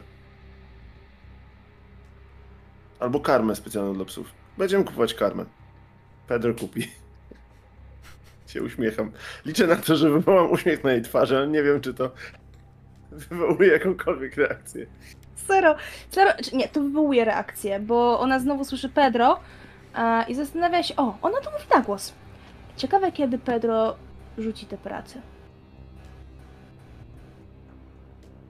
Pedro już ma tę pracę ze 20 lat. Myślę, że jest odporny na takie rzeczy. Wiesz- Nie wiem, czy jest odporny na nas. Zaczynam wymieniać różnych zawodników, o których słyszałem, że grali w Barcelonie, bo na pewno znam ich po prostu razem z życiorysami. Wiem, którzy byli Mhm. bardziej e, na pewno problematyczni na boisku, więc musieli być też problematyczni w życiu. Mówię, Pedro wytrzymał tego, tego, tego, tam Matiasa, y, Rosé, y, Filippo, wszystkich ich wytrzymał, więc jak z nimi No to- wytrzymał, to my wcale nie jesteśmy tacy straszni. Czy ty Ale nie wiem, czy mamę? wytrzymał taką Zoję jak ty. Czy ty kochasz mamę? To jest ten moment, kiedy ja niby jestem przyzwyczajony, ale te, te nagłe zmiany tematu i czasami bardzo poważne pytania, to mnie zaskoczy. Mówię, tak, kochanie, oczywiście. Ciebie też Dlaczego? kocham. No bo twoja mama jest wspaniałą kobietą. Ale ona udaje. Ale co udaje, kochanie? Że czyta książki, czasami trzyma je do góry nogami. Zaczynam się śmiać. Zaczynam się śmiać po prostu. Staram się tego potem nie pokazać, ale się śmieję. Zoja jest absolutnie poważna, to, to to nie jest śmieszne. Nie można czytać do góry nogami. W międzyczasie, zanim ojciec złapie oddech na tyle, żeby odpowiedzieć, czy możemy się zgodzić na to, Mateuszu, że ty kiedyś zobaczyłeś y, takie peany na swoją cześć w y, telewizji, to że zostawiłeś na blacie w kuchni telefon? Pewnie. Możemy, jak najbardziej. Więc powiadomienia będą widoczne, Weronika, i ty zobaczysz, że na, powi- y, na powiadomieniach Mateusza przewija się bardzo często, no bo tam oczywiście to cały czas pracuje, to, to musi być wyciszone, ale w reakcjach, w komentarzach przewija się nazwisko modelki, którą ty kojarzysz z Instagrama. Niejakiej Sary Romero. Widzisz po prostu, że dość, y, dość mocno tam bombarduje te, te social media Mateusza. Mhm. Ale na razie tylko na y, publicznych, znaczy to lecą komentarze, lajki i tak dalej, czy już leci priv? Wiesz co? Myślę, że w tej, w tej zauważyłaś, jak leciały po prostu, wiesz, e, takie zwykłe mm, reakcje, te zewnętrzne. Mhm. No, ale jest ich bardzo dużo. Znowu, o, Okidoki, o, e. one wyglądają trochę, wiesz, te powiadomienia jak te, które ty widziałaś u siebie przed chwilą, kiedy, kiedy zobaczyłaś tamtego Mhm. użytkownika. Myślę, że nie uciekłabym od niego myślami, więc y, no tak, totalnie kliknę w ten telefon, żeby obczaić, czy może Sara pisze do niego na privie. Myślę, że spokojnie znasz y, moją blokadę, bo to nie widziałaś tysiąc razy. Jeżeli cię to interesowało i chciałeś podpatrzeć, no ono się dało. Myślę, że ona się od 10 lat nie zmieniła, także. Dokładnie. wchodzisz i kiedy wchodzisz w wiadomości prywatne, to po pierwsze, jak widzisz zalew tych, y, te, tą liczbę wiadomości, która tam jest, a zwłaszcza w tych folderach y, takich typu inne, Mhm. To jesteś w ciężkim szoku, bo więcej niż do ciebie. I Y, Generalnie to nawet mnie to nie szokuje. Ja się zastanawiam, jak można żyć tak, żeby nie odpowiadać tym wszystkim ludziom. a czy ty tak, odpowiadasz tak, na ty, tym facetom, ale- którzy przysyłają ci od razu w pierwszej wiadomości zdjęcie swoich penisów? Nie, ale ich blokuję. Poświęcam te chwile mojego życia, żeby ich zablokować. Mateusz, czy ty blokujesz te wszystkie dziewczyny, które wysyłają ci zdjęcie, y, swoje zdjęcia? Nie, czasami odpowiadam uśmiechem z y, tym, z mrugnięciem. Jest tak, żeby zachęcić do dalszej wymiany. Znajdujesz, Weroniko, e, wiadomość od Sary, ale to jest tylko pierwsza wiadomość, jakby nie odpisał jeszcze Mateusz. Ona jest sprzed 10 minut. porządku. Ola.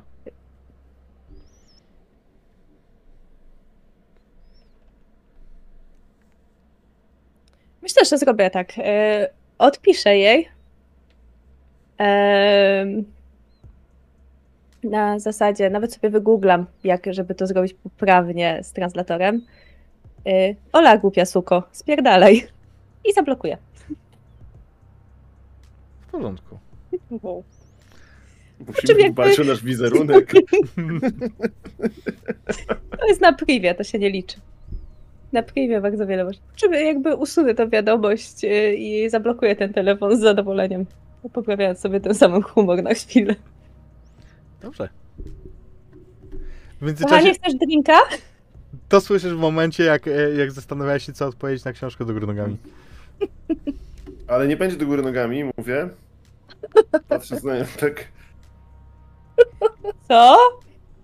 Nie, nie umiem Mm. robić takich. Musisz zapytać o to Pedro. Pedro, jak przywieź kiwa nam głową? szczeniaka, wiesz? Będziemy mieli szczeniaka. Yy, Zoe nazwij go Dawid. Zoja nazwij go Dawid. Dlaczego będziemy mieć szczeniaka? Wydzielam się z kuchni. Bo Zoja chce. Ale kto z nim będzie wychodził? Zoja, już o tym rozmawialiśmy. Co ja się z nim znudzi za dwa dni. Na razie chce szczeniaka i jest nim zainteresowana. Może nie będzie zwracać uwagi na to, że czasami nie czytasz książki, jak yy, udajesz, że ją czytasz. Co ja, kiedy tej rozmowy słuchasz, to widzisz jak. Wyobraź sobie, że na jednym z jednej ze ścian mówiliśmy o tym, że wiszą różne ozdoby typu plakaty. Wyobrażam sobie, że tam są też plakaty w antyramach. Takie. No takie motywacyjne i No. Next Halele, tak? A, No. no. I w każdym razie bardziej mi, niż, niż o treść plakatu chodzi mi teraz o szkło antyramy. No. Wyobraź, wyobrażam sobie, że na tej ścianie od twojego pokoju z góry, na, jakby ktoś schodził po schodach, to mijałby te antyramy i w trakcie tej rozmowy ty zauważasz w odbiciu w antyramie, jak mija przy, w waszą stronę z góry wygląda to jakby ktoś schodził po schodach. Nie słyszysz kompletnie nic, ale widzisz, że po prostu bezgłośnie taki cień mija em, y, mija tę antyramę, odbija się po prostu od niej przez chwilę. Odwracam się w tamtą stronę, chcę zobaczyć, czy to mój przyjaciel może wstał i chce więcej lodów. Być może. Ma ten problem, że jest niewidoczny.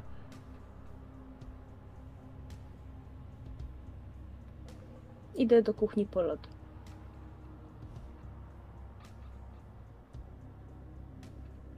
Mateusz, No dobrze. czujesz jak tu zrobiło się zimno? Sierpień? Ja? Barcelona, Mateusz. Tak, myślę, że trochę dostałem gęsiej skórki, e, więc wstaję, żeby założyć jakąś bluzę. Tu nigdzie nie leży bluza, bo normalnie nie zakładam bluzy. Nawet jakiś tak wieczór. Podchodzę po tego drinka.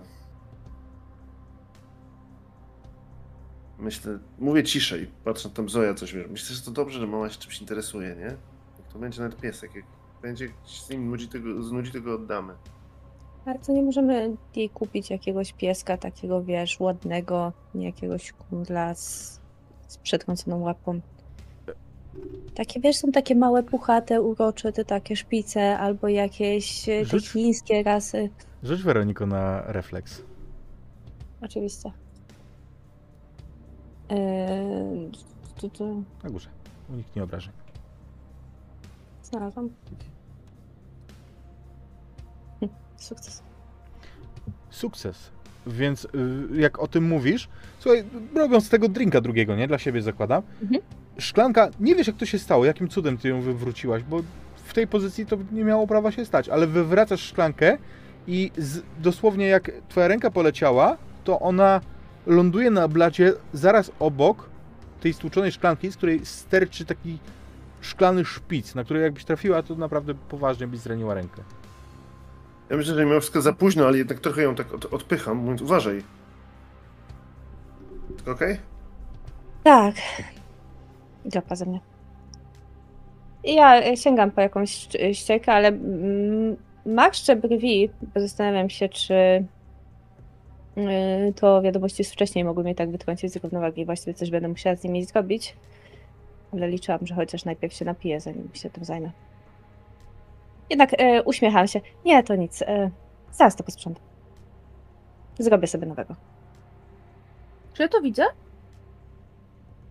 To, co się stało, to, co mogłoby się stać? Nie wiem. Widzisz? To się dzieje w kuchni, prawda? Tak. Na blacie. Więc wyobrażam sobie, że Zoja mogła to zauważyć. I myślę, że przez głowę przychodzi jej taki rodzaj zastanowienia się, czy, mm, czy gdyby mama się zraniła, to byłoby dużo krwi, czy mało. I jakby biorę loda z zamrażarki. To nie jest problem. W międzyczasie, jak jesteś w lodówce, e, jak jesteś w kuchni, e, nie wchodzisz do lodówki, okej? Nie. Mm, jak jesteś w kuchni, to przez okno stamtąd widać, e, widać doskonale waszą bramę. Widzisz, że ona się otwiera i wjeżdża przez nią ta limuzyna, którą jeździ Pedro. O, muszę odebrać szczeniaka. Mówię to na głos i wychodzę. Ja robię taki gest, widzisz? W stronę, w stronę małżonki. W porządku, niech będzie jej szczeniak. Obojętne. Byleby nie sikał w domu. Pedro podjeżdża. O! Hello! Zoja. Mówi drukowanymi literami. On nie umie mówić po angielsku? W sensie mówi kiepsko? Nie, mówi bardzo dobrze. Okej, mówi po prostu drukowanymi literami, dobra, spoko. Czyli to jest takie, to są takie drukowane litery, jasne. On z- mówi do ciebie jak do, wiesz, do... A, okej, dobrze. Mhm. Myślę, że ja znam angielski w ogóle. E, I to nawet całkiem dobrze, więc patrzę na niego i mówię, em, hmm, co mogę powiedzieć? Nie lubisz mojego taty, prawda?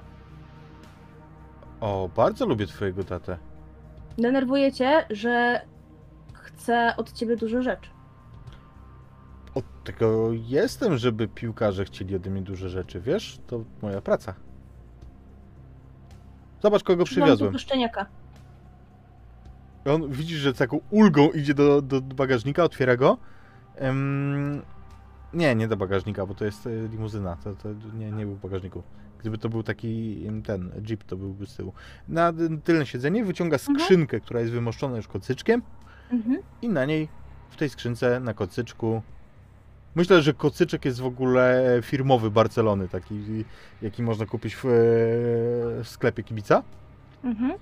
Leży ten szczeniak z zabandażowaną tą nogą i ona jest w jakiś sposób usztywniona. Jasne. Więc odbieram ten koszyk, w sensie chcę wyciągnąć po niego ręce.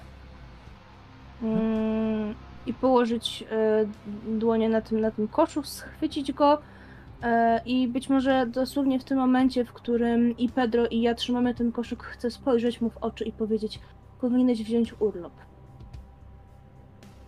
Tak sądzisz? Dlaczego? Wzruszam ramionami.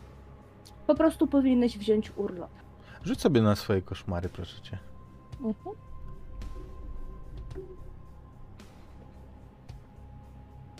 Szesnaście. Sukces. Chyba po prostu poczucie. Myślisz, że coś mu się stanie w najbliższym czasie? Myślę, że ostatnimi czasy śpię całkiem spokojnie, ale to nie jest tak, że te sny są niestraszne. Po prostu już się do nich przyzwyczaiłam i ten, który mi się przyśnił, nie był straszny. Ale myślę, że warto powiedzieć Pedro, żeby wziął urlop. To uczciwe. Tak. Sa- rozbity samochód w jakimś rowie i ta dosłownie dwusekundowa drzemka przed tym, jak to nastąpiło, prawda?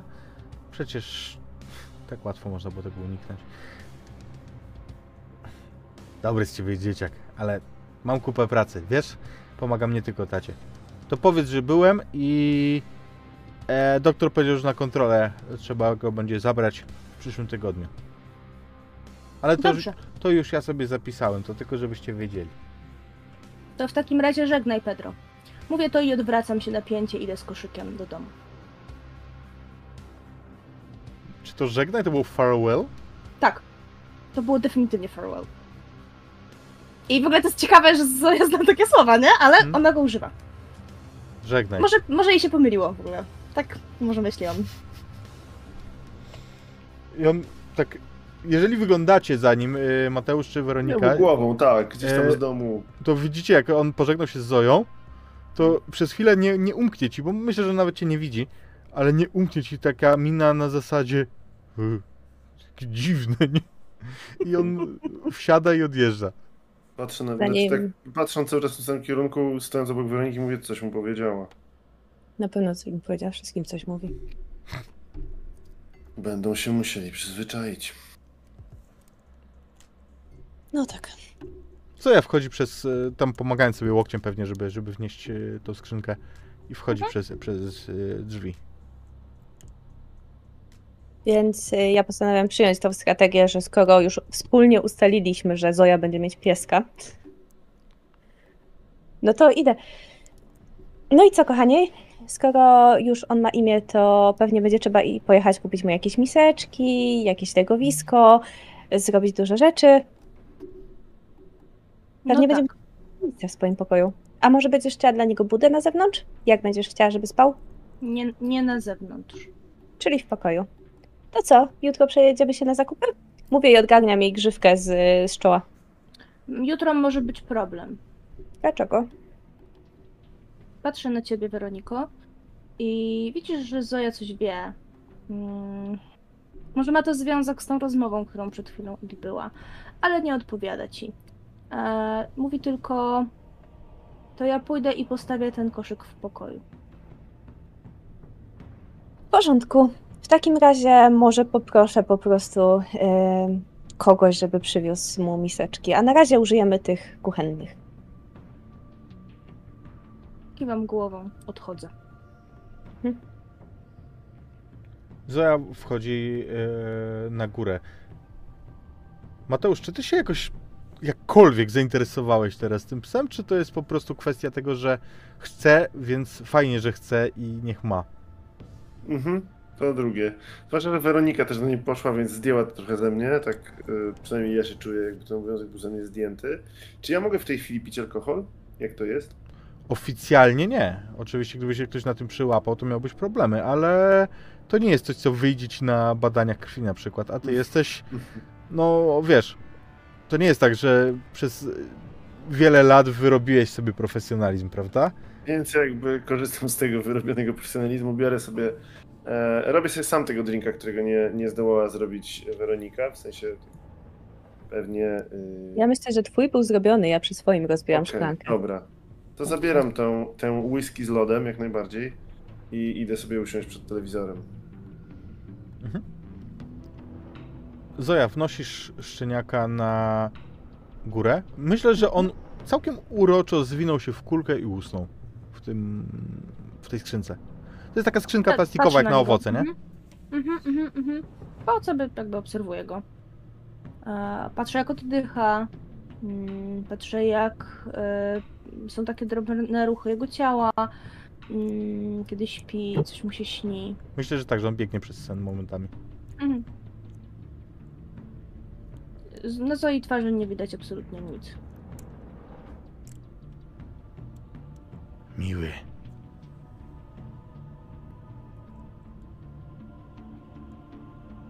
Ma być kontrola za, za dwa tygodnie. Za tydzień Nie trzeba. kiwam głową. I wyobrażam sobie, że w tym momencie widzisz, jak szczeniak, wiesz, który, no, rozmawiacie cicho, prawda? Zresztą rozmawiasz z głosem, który już zro, zdo, zdołałaś się zorientować, że tylko ty słyszysz. Mhm. Ale on w pewnym momencie, on znaczy szczeniak, zrywa się i zaczyna piszczeć. Wy słyszycie ten pisk na dole. A on yy, wyskakuje z tego, z tego, z tej skrzynki, pomimo tej kontuzjowanej łapy i stara się wtulić w y, kąt pokoju pomiędzy szafą a narożnikiem, tak żeby być jak najdalej od źródła głosu. Widzisz, że jest przerażony. Myślę, że on się posikał ze strachu y, na ten kocyk. Weronika jakoś reaguje na ten pisk? Tak, no spoglądam w górę. Spoglądam na Mateusza taką sekundą, bo ktoś musi tam iść, więc liczę, że to, powiedz to, on. jest, to jest walka woli, nie? Ktoś się złamie pierwszy. Ja siedzę z drinkiem przed telewizorem, to jest tylko takie odwrócenie się. Trochę ty jej pozwoliłeś mieć psa.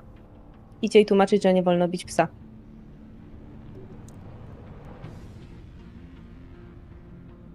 Dobra. Bo Odstawiam tego drinka i idę na górę. Co tu się dzieje? Pies się przestraszył. Czego się przestraszył? Wzruszam ramionami. Musisz być delikatna z pieskiem. Jak chcesz, żeby Dawid u nas został, to musisz go traktować delikatnie, tak żeby się nie bał ciebie, rozumiesz? Nie dotykałam go. Widzisz, Zoja, jak patrzysz na ojca, wyobrażam Mhm. sobie, że w drzwiach masz, e, wiesz, no szybę w drzwiach, nie? No. Em, takie, tak jak w pokojach, e, pomiędzy pokojami. I widzisz, jak za ojcem swoim widzisz te drzwi i za nimi powoli przesuwa się cień, tak żeby być dokładnie za nim. Jasne. Patrzę prosto na ojca. Nie dotykałam go, tato. Mhm.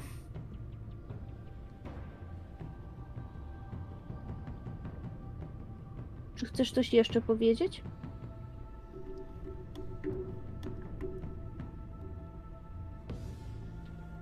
Nie, to wszystko. Mama mówiła, żeby y, y, uważać, żeby się nie posikał w domu. Właśnie się posikał. Wyciągam ręką całą w ogóle, nie? To nie jest tak, że jakoś uważam, żeby się nie ubrudzić. Całą ręką ten kot z Barcelony i podaję mu go. I ta ręka, myślę, że spływa po niej taka stróżka moczu. To musisz teraz pójść do łazienki, wyprać kocyk i potem wziąć papier, wytrzeć podłogę i zająć się tym, że mama nie widziała i się nie denerwowała. Dobrze, tato. Szczeniak piszczy, tak jakby cały czas y, czuł zagrożenie. On tak powtarza to, to, to piszczenie i jeżeli na niego spojrzycie, to widzicie, że on się po prostu stara no, wleźć w ścianę.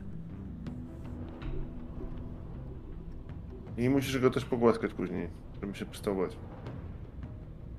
Bo jak będzie piszczał całą noc, też go będziemy musieli oddać. I schodzę na dół. Ale rzuć sobie jeszcze na percepcję, Mateusz. Na percepcję. Kurczę, ja chcę to zobaczyć? Eee...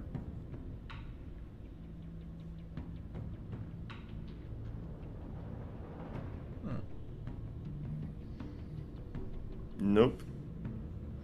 No nope. Chcesz zadać sobie jakie, jakieś z tych pytań, które masz możliwość? Mm, wiesz co? No dobra, znaczy ja, ja trochę jestem zainteresowany, co tu się mogło wydarzyć, czegoś ten pies boi. Szukam jakiejś... Pewnie patrzę, czy... Ja nie do końca wierzę Zoi, że ona go nie dotykała. Mam wrażenie, że ona mnie okłamuje, więc chcę sprawdzić, czy coś mi się rzeczywiście nie stało. Może tylko noga bardziej boli, może coś. Mhm. Słuchaj, to co zauważasz, to to, że w drzwiach ym, jednej z szafek, tej szafy, za którą on się wkleił, wiesz, w kąt, Mhm. zobaczysz cień, który się przesunął, który nie mógł być cieniem Zoi, bo ona stoi stabilnie, a on ewidentnie się mignął ci przez, te, przez tą szybę. Ja szybko patrzę w okno, nie? Czy tam nie ma jakiegoś wariata, jakiegoś paparazzi, jakiegoś coś w tym stylu. Nikogo tam nie widzisz. No to może mi się przywidziało. Tak. Może drzwi od pokoju się ruszają, tam jest szyba, odbija światło. Tato, czy zostaniesz z Dawidem, kiedy ja będę sprzątać po nim? Nie, on się musi przyzwyczaić też, żeby być sam trochę czasami. Boisz się. Boisz się psów. Yy, nie, nie boję się psów, ale oglądam w tej chwili ciekawą rzecz w telewizji i chcę do niej wrócić. Rozumiem. Prawda jest taka, że boję się zostawać sam na sam z moją córką w takiej sytuacji. Mhm. Czy ja to, czy ja to czuję? Czy ja mam tego świadomość? Myślę, że jak jesteś tak wyczulona, to możesz wiedzieć, że często. Na pewno czujesz, że czuję się z tobą nieswojo, że to nie są. że czasem staram się gdzieś być jakiś miły albo coś, ale e, generalnie jak są właśnie jakieś takie sytuacje jak ta, to nie lubię ich. Mhm. Więc wyobrażam sobie w takim razie, że ta sytuacja jest coraz dziwniejsza, bo Zoe patrzy na ciebie, przepraszam, Zoja patrzy na ciebie tak jak zwykle, nie? Ale mm, to jest przedłużające się spojrzenie takich dziwacznych oczu. Może ona wie, że ty masz trudno, a może po prostu się na ciebie zapatrzyła tak jak zwykle. To nie jest cool. To co To dzwoni, telefon czy- to co to dzwoni, mój to jest telefon- twój telefon, Weroniko. Numer, Weroniki, okej. numer jest zastrzeżony. Ja od... odbiorę. Schodzę, jakbym Dobra. miał odebrać, ale bo wykorzystuję to, żeby nie, Mhm. nie było dalej tego spojrzenia długiego, przyciągającego się. Ale myślę, że mogę coś usłyszeć, jak będzie moja żona rozmawiać z kim. Halo?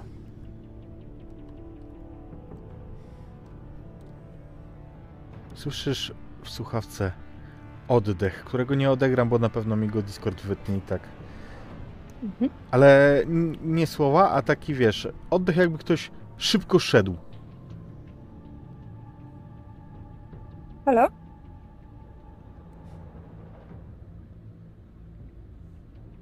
Odciągam, znaczy od, odkładam ten telefon Zanim- od. Z, za, Mhm. sprawdzasz numer, czy, czy jest połączenie, Mhm. czy coś takiego? Zasięg masz, Tak. połączenie trwa. Więc spróbuję, proszę. Halo? Ładny pies. To jest jego głos. Jest. Ja być może trochę za szybko jakby wyłączam. Rzuć sobie na weź się w garść, proszę.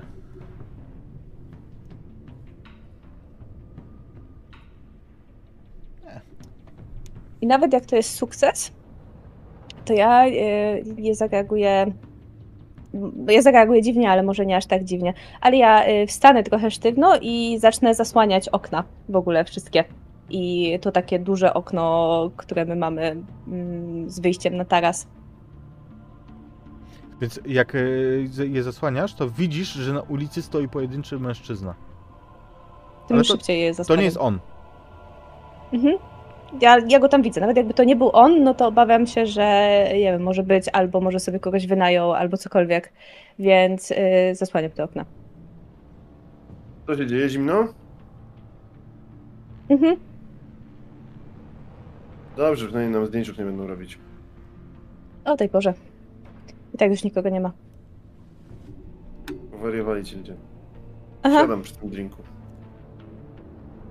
Sól odbija, pewnie, nie wiem. Nowe miejsce. Musisz się przyzwyczaić. Pewnie tak, szczeniaki y, często tęsknią za mamą, więc y, po prostu Posikał się, zaja sprząta. Nieważne. Y, znaczy dobrze, że sprząta. Jakby jak słyszę nieważne, to mam taki moment, kiedy patrzę, być może w telewizorze w odbicie, gdzieś tam pod jakimś kątem być może widać odbicie Weroniki. Coś mi nie pasuje, to nieważne nie było, nie była Mhm. ona. Ja w ogóle siadam w takim, wyobrażam sobie, że mamy taki fotel, taki jajko, ten y, otoczony ta, taką konstrukcją drewnianą, który w środku jest wywożony całą masą poduszek. Y, Ja tam siadam, w ogóle nie patrzę na ten telewizor i zaczynam intensywnie grzebać w telefonie. Mhm. Szukasz czegoś konkretnego? Szukam kogoś konkretnego. Przede wszystkim lokalizację, czy może ma oznaczoną czasami social media, punktują lokalizację. Tak jak moje pewnie teraz punktuje, że jestem e, w, może nie dokładnie w tym miejscu, ale że miasto, kraj, Mhm. ostatnie lokalizacje, jak byliśmy na, na tych zdjęciach y, ostatnio na tej imprezie, to tam na pewno też jest podana lokalizacja. Patrzę, czy ma coś takiego. Słuchaj, jak przeglądasz tą y, jego ścianę, to widzisz, że długo, długo, przez całe lata nie było żadnych aktualizacji, nic. Mhm. A teraz co pół dnia Wrocław, Praga, Wiedeń i stopniowo kolejne miasta coraz bliżej. Ostatnia aktualizacja jest z Andory. Jak daleko to jest stąd? Tak, samochodem? Kilka godzin.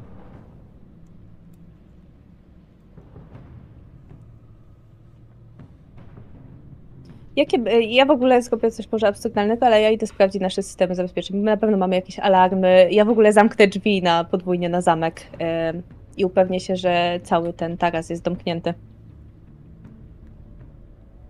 Więc e, w momencie, kiedy zobaczyłam, ja wystartowałam z tego fotela w ogóle na... i od razu poszłam zamknąć drzwi. Ja co więcej histerycznie sprawdzę, czy nie ma go w żadnym spokoju. W sensie, czy nikt nie wszedł do domu, jak e, siedzieliśmy tak luźno, ten telewizor głośno chodzi, więc jakby ktoś chciał, może ten pies piszczy, bo ktoś wszedł do domu. Mateusz, piszczą jak coś widzisz reakcję Weroniki. Wyglądam się. Ty chodzisz z telefonem w ręku, czy go zostawiłaś? Ja chodzę z telefonem w ręku, ja nie zostawiam telefonu. I ja e, w przeciwieństwie do ciebie zmieniam bardzo często hasło, w sensie Okej, okej.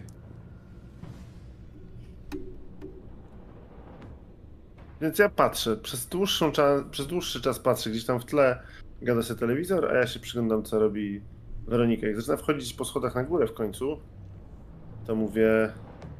Halo? Co robisz?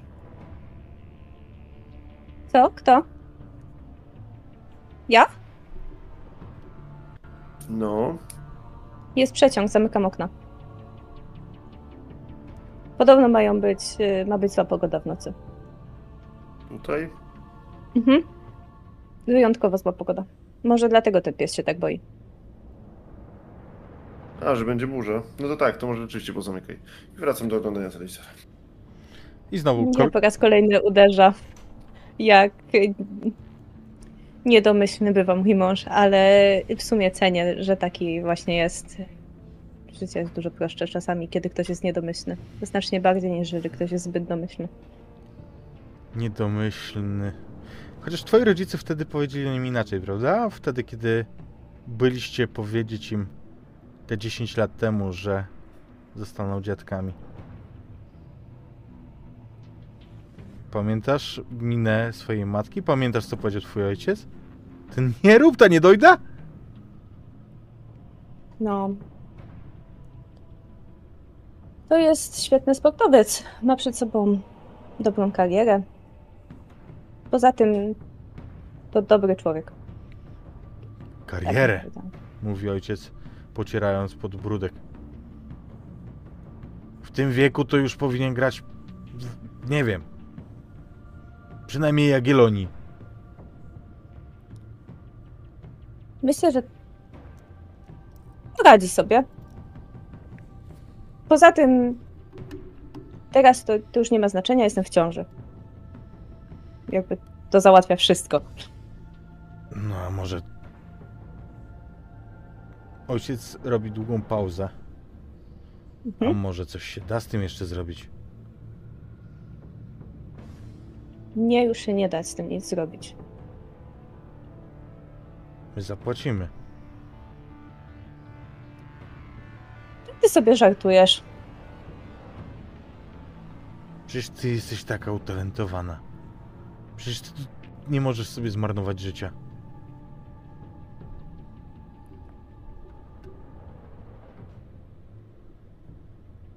Wciąż będę się rozwijać. E, Jak tylko skończę być na macierzyńskim, to znajdę sobie inną pracę.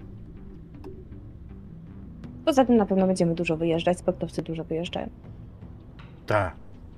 Na sparring do Legionowa. Daj spokój.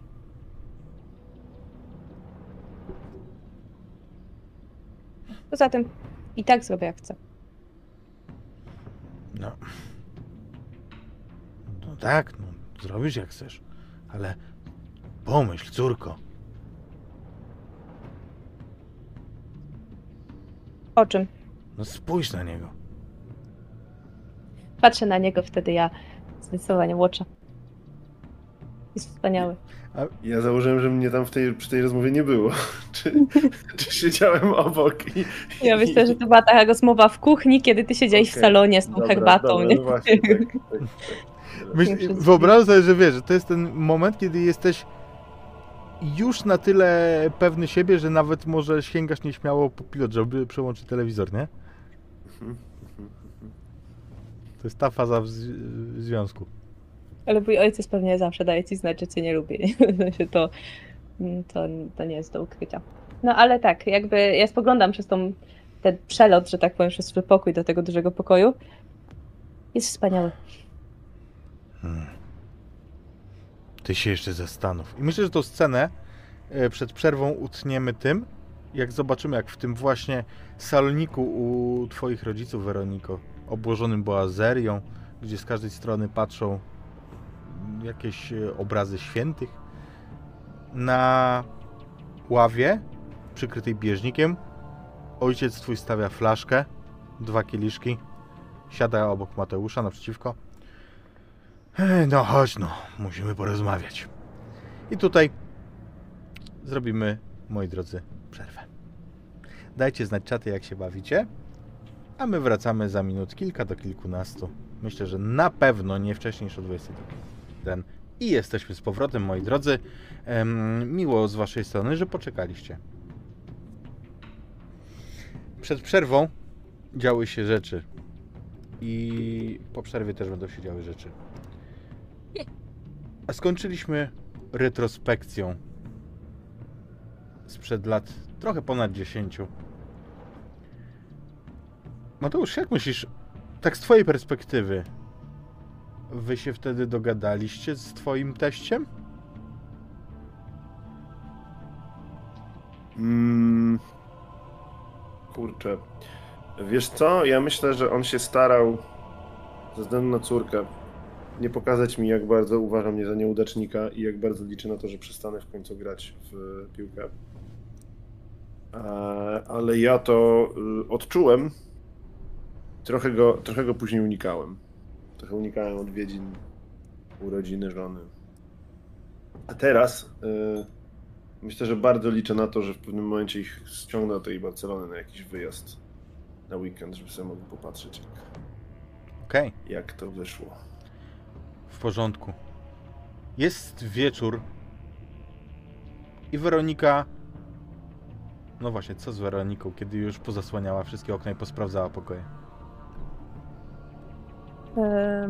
Ja myślę, że zajdę z powrotem na dół i pójdę do kuchni, żeby sobie zrobić e, faktycznie drinka, ale też dlatego, żeby mieć tą minimalną przestrzeń, mimo że nasza przestrzeń na dole jest po prostu otwarta, gdzie znajdę się odrobinę mm, za plecami e, Mateusza i wtedy wyjrzę za okno, czy ten typ dalej tam stoi. Rzuć sobie dowolną kos- kostką. Parzyste stoi, nieparzyste nie. Dobra. Nie stoi. Nie ma go. Ale wyglądasz w taka pełna napięcia, kiedy.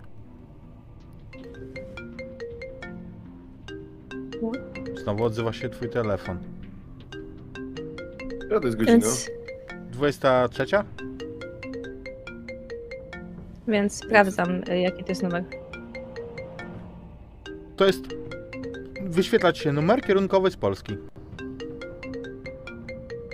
Ale to jest inny numer niż ten, co dzwonił przed chwilą.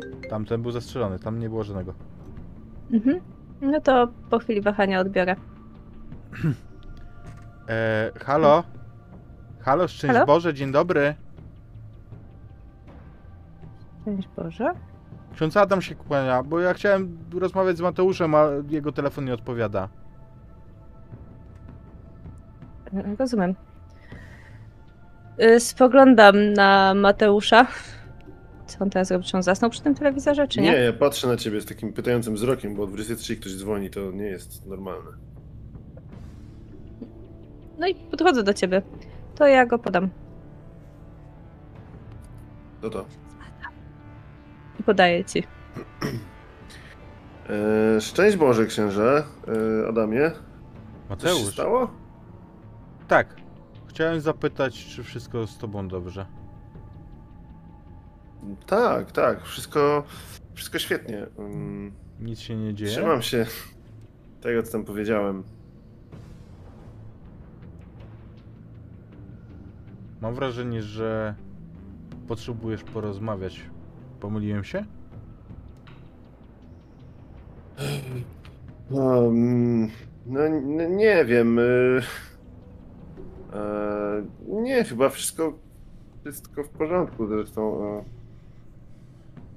Właśnie się zbieramy do, do spania z e, Weroniką. A Uważaj na siebie, Mateusz. Mhm. No uważam, uważam. y, Jak obiecałem. Patrzę na tego drinka, który mam w ręku. Mm, Będę się pilnował. Dobrze. I on e, rozłącza się, bez pożegnania, bez niczego. Patrzę na Weronikę z takim... Czego chciał o tej porze? Wyciągam rękę po telefon. Masz szósty zmysł, czy co? Coś się stało? Właśnie zachowywał się tak, jakby się coś stało, albo jakbym ja powinien wiedzieć, że coś się stało. A co się stało? Nie, no nic się nie stało przecież. To dobrze.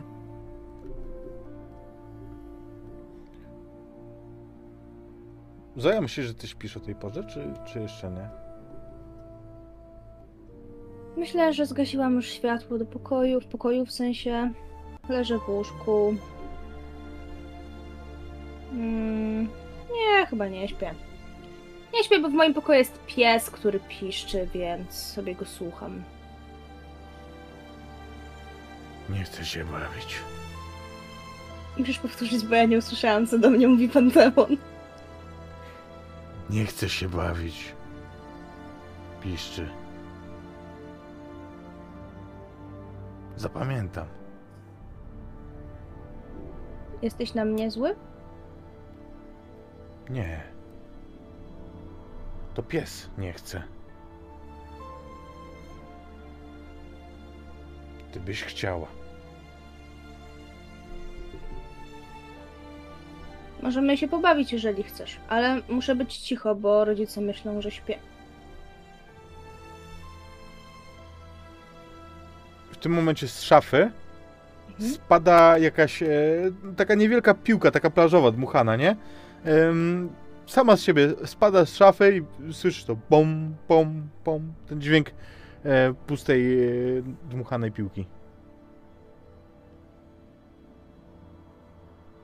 Wychodzę z łóżka, sięgam po tę piłkę i pewnie będę się nią bawić. Za twoimi plecami psz, słyszysz e, dźwięk e, czegoś, co spada Mhm. i to ten miś, Mhm. który leżał na kanapie. On również spada na podłogę z cichym szelestem.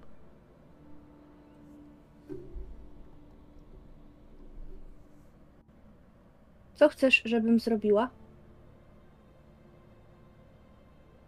Niech pies wyjdzie. Otwieram drzwi do mojego pokoju. On pewnie ucieka w ogóle. Tak czuję, że mógłby chcieć stąd wyjść e, za wszelką Mhm. cenę. Może on nawet stoi pod drzwiami. Tak, i on, yy, wiesz, yy, zaczyna, zaczyna za tej szafy, wystrzeliwuje, bo był za szafą, nie pod drzwiami, nie? Wystrzeliwuje w tamtą stronę i w, w momencie, jak dobiega do drzwi, to unosi się w powietrzu na twoich oczach. Tak Mhm. jakby ktoś go chwycił na ręce. Mhm. Piszczy w niebo głosy. To Mateusz i Weronika na pewno słyszą.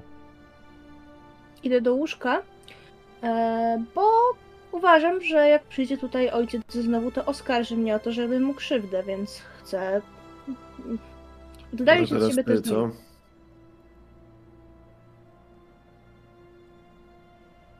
W porządku.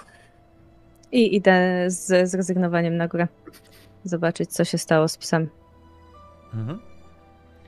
Kiedy wchodzisz na górę, drzwi są uchylone, a pies wybiega e, do ciebie, stając na tylnych łapach.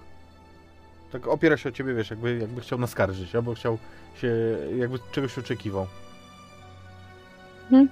Weronika, Więc pytam się. on stoi tak. na tylnych łapach. Jedną z nich miał złamaną. Ale on wygląda jakby na nim utykał? Nie. On ma ją usztywnioną, prawda? No tak wiesz, takim, tak żeby, Mhm. żeby tylko nie rozwalił. Na- Natomiast no, to nie działa tak, że on by No. normalnie mógł chodzić. No, więc y, jakby podnoszę go faktycznie z ziemi. Biorę na ręce i y, no idę zajrzeć do, do Zoi. Czujesz, że pies się telepie ze strachu, wiesz, jest e, znerwicowany. No. Cóż. Więc zaglądam tylko, czy, czy Zoja śpi. Myślę, że Zoja śpi. Myślę, że chcę wierzyć, że Zoja śpi. Więc zamykam drzwi do pokoju. i e, schodzę z psem na dół.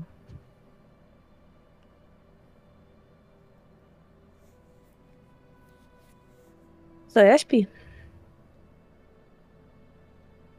Może chcę wyjść na dwór. Myślałem, że wuju Zoi. Myślę, że możemy zobaczyć taką pocztówkę, w której Zoja wstaje z łóżka i otwiera okno. Tak, żeby wleciało tu powietrze. Może Mhm. firanka nawet tak um, wiewa się do środka. Myślę, że ona wywiewa się dużo mocniej niż wskazywałby na to ruch powietrza. Mhm. E, Nie, chyba, chyba już robił. Myślę, że po prostu, po prostu się czegoś przestraszył, to pewnie ta burza.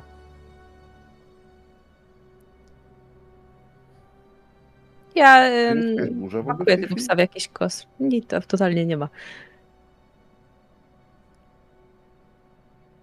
Może zostały drzwi otwarte na, na, na werandę, wiesz? Może jak będzie chciał wyjść, sobie wyjdzie.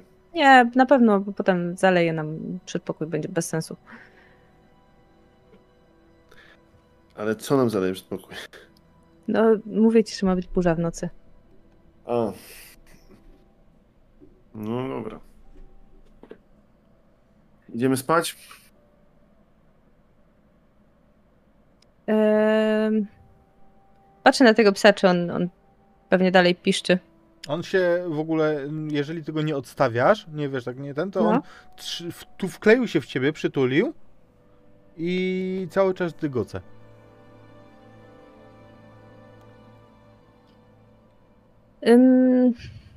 Myślę, że jak go tu zostawimy, to będzie wył. Więc możesz się położyć, a ja posiedzę z nim chwilę, aż się uspokoi i potem dam go do jakiegoś kartonu. Dobra. Dobranoc. Dobranoc. Chodząc też sprawdzam, czy Zoja śpi. Czy Okno Zo- jest otwarte. A Zoja śpi? Nie. Zoja. Hmm. Nie wiem, zastanawiam się. Wyobrażam sobie taką scenę pojebaną, w której Zoja siedzi na parapecie, nie? I sobie patrzy przez okno. Mm, Po- tak, na, to się dzieje. Na zewnętrznym parapecie, nie? Tak. To ja bardzo szybko podbiegam i ją łapię. Ciągam ją do środka. Palam światło. Rozmawialiśmy o tym. Nie Ale można siedzieć na zewnątrz, bo możesz spaść. Ale się trzymam.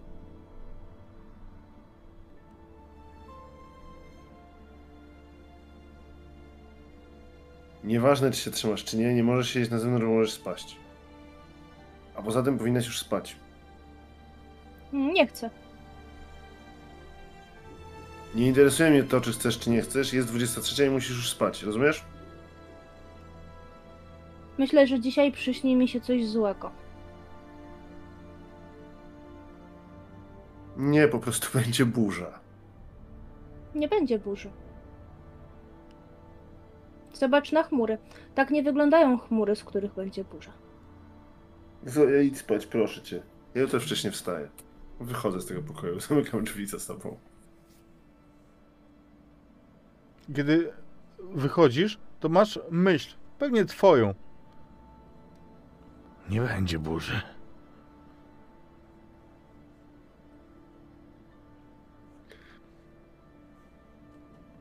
Tato, Otwieram drzwi. czy ty mnie kochasz? Nie wiem, czy to było słuchać. Dobra. Tak. Coś jeszcze? Dla mnie już nic. Dobranoc. Zamykam drzwi. I idę spać. Znaczy staram się pójść spać. Myślę o tym, że nie będzie burzy. Na dole piszczy pies. Ale jutro muszę wsz- wcześnie wstać i być wyspany na trening. Więc kładę sobie poduszkę na głowie i staram się zasnąć. Ja myślę, że ja nie wytrzymam na dole zbyt długo, więc y, po niedługiej chwili usłyszysz takie tuptanie. Będę brać tego psa ze sobą, więc ja go wezmę ze sobą do łazienki, jak się pójdę ogarniać, żeby on nie został sam. Albo tak naprawdę, żebym ja nie została sama, po prostu. Więc e, potem ja go wezmę z sobą do sypialni tego psa, licząc na to, że Mateusz już śpi yy, i będę po prostu siedzieć z tym psem gdzieś tam, bo spróbuję pójść spać i zostawić go, ale on będzie piszczał, Mhm. więc yy, żeby nie obudził Mateusza, to ja go wezmę do, do siebie po prostu do łóżka, ale nie będę mogła zasnąć, bo ja się spodziewałam, że dzisiaj w nocy coś się stanie, więc y, myślę, że ja sobie po prostu usiądę na łóżku, yy, tak żeby się przykryć kołódką z tym, z tym psem przy so- przy sobie. Ale nie odważę się pójść go wyprowadzić w nocy. Ale wyobrażam sobie, że jeżeli będzie taki moment, jak Weronika uśnie, to Mateusz, ty, ciebie obudzi poczucie, że coś się dusi, że coś chodzi po twojej klacy piersiowej, jak zmora. Jak się obudzisz, Mhm. to będziesz widział ten pysk na, na twoją twarzą, który, e, który dyszy, nie? Widzisz, jak Weronika śpi tam gdzieś na, na krawędzi łóżka? Go. Jest dzień, Przekładam na Weronikę. jest dzień. A już jest dzień, tak? To już jest, Jest rano, jasno. tak? On nie budzi. Już jest jasno. Podnoszę go, kładę go na podłodze. Wstaję. Zoja, rzuć sobie na koszmary, proszę. Jasne.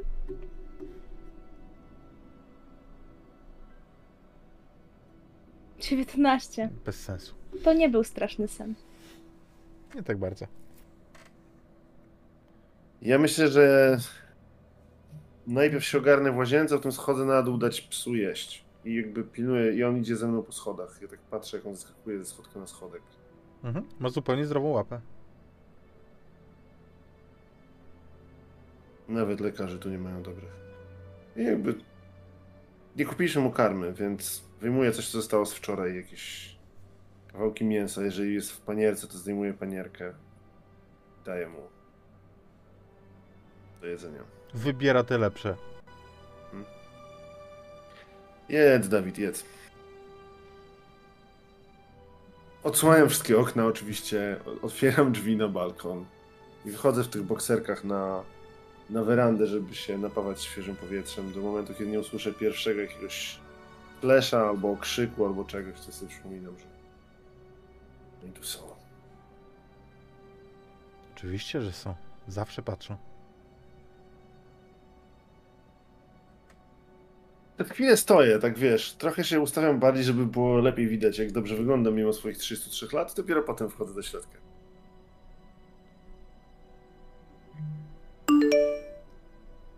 Dostajesz wiadomość. Ja? Mhm. No to patrzę, co to? Wiadomość z numeru, którego nie znasz, ale hiszpańskiego i kierunkowy. Nie, nie ma kierunkowego, to jest z komórki. Mhm. E, przeważnie SMS są z komórek. Mm.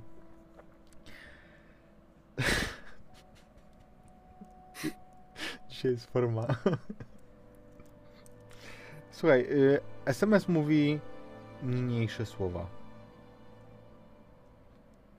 Pedro miał wypadek, przyjedzie po ciebie Matteo.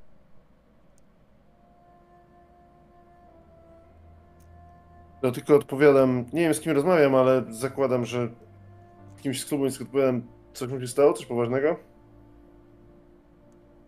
Mm, odpisuję tylko em, jakby kró, krótko, hasłowo, nie? Szpital damy znać. Albo dadzą znać, może bardziej tak.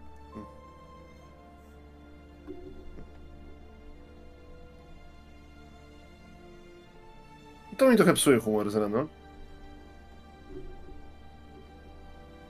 Ale szykuję się do wyjścia.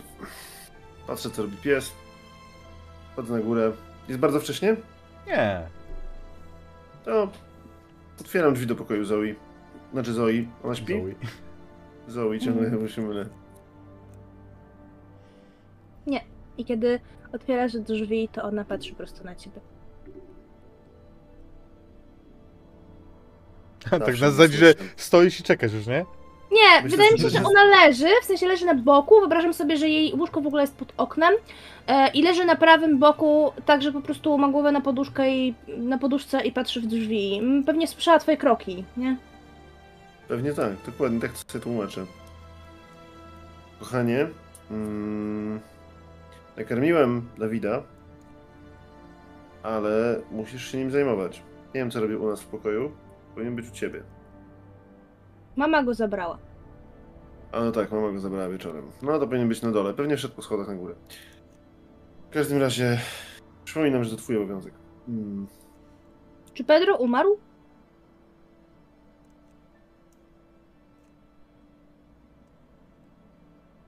Mm, Nie, dlaczego miałby umrzeć? Śniło mi się, że umarł.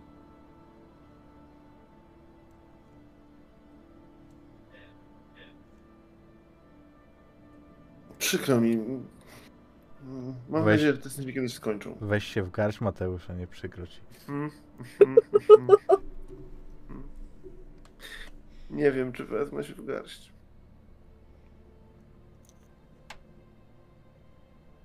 Poproszę stabilność o jeden w dół Aha. i proszę nanieść mi to na reakcję. Eee... Dobra, jeszcze nie wiem, gdzie to się zmienia ta stabilność. Na drugiej stronie. Na drugiej stronie karty. Nie, to nie jest to. Okej. Powiedziałam mu, że powinien wziąć urlop, ale nie zrobił tego. Ja po prostu, widzisz po mnie, że ja sztywnieję, patrzę na ciebie dużymi, szerokimi oczami i wychodzę z pokoju, nic nie odpowiadając. Więc może resztę Wchod- tych słów wypowiadam do mojego przyjaciela. Wchodzę do sypialni, gdzie leży Weronika. No śpi? Weronika? Teraz Trząsam pewnie nie. To już nie. Co? Yy, wstawaj, ja wychodzę, wiesz? Trzeba się mm, zająć Zoją i psem i w ogóle. Na razie. A, yy, Pedro miał wypadek, bo jest w szpitalu. Przykro mi. Ym, cześć. Wstaje taka ostrzołomiona, w sensie, że nie wiem, co się stało. Wszystko z nim w porządku? Nie wiem. To kto po ciebie przyjedzie? Mateo. Kto to? Jezus Maria, nie wiem kto to. Czy ja znam każdego kierowcę, który jest w tym klubie? Nie wiem, nie krzycz. Nie zadawaj takich głupich pytań. Myślę, że Zoja, ty słyszysz to. Ja to słyszę, bo ja jestem za drzwiami. To tym bardziej. No ja y, wstaję, zabieram rzeczy, żeby się ogarnąć. Zabieram telefon już takim odruchem, no bo ten telefon gdzieś tam leży obok. Y, no i też idę jakby wyjść z, sypialni, więc jak zobaczę Zoję, to... Y, Cześć kochanie, wyspałaś się? Ty też o, nie. Ja też. Mhm. Coś ci się śniło? Pytam, chociaż ty wiesz, że ja nie chcę wiedzieć, nie? No ja mówię, że tak i kiwam głową. Ale nie chcesz tego wiedzieć, rzeczywiście. Wspaniale. To bardzo dobrze. E, Czekam ci po głowie zupełnie jakby taka rutyna dzienna. Chodź, zjemy śniadanie. Nie bój się, dzisiaj tutaj nikogo nie było.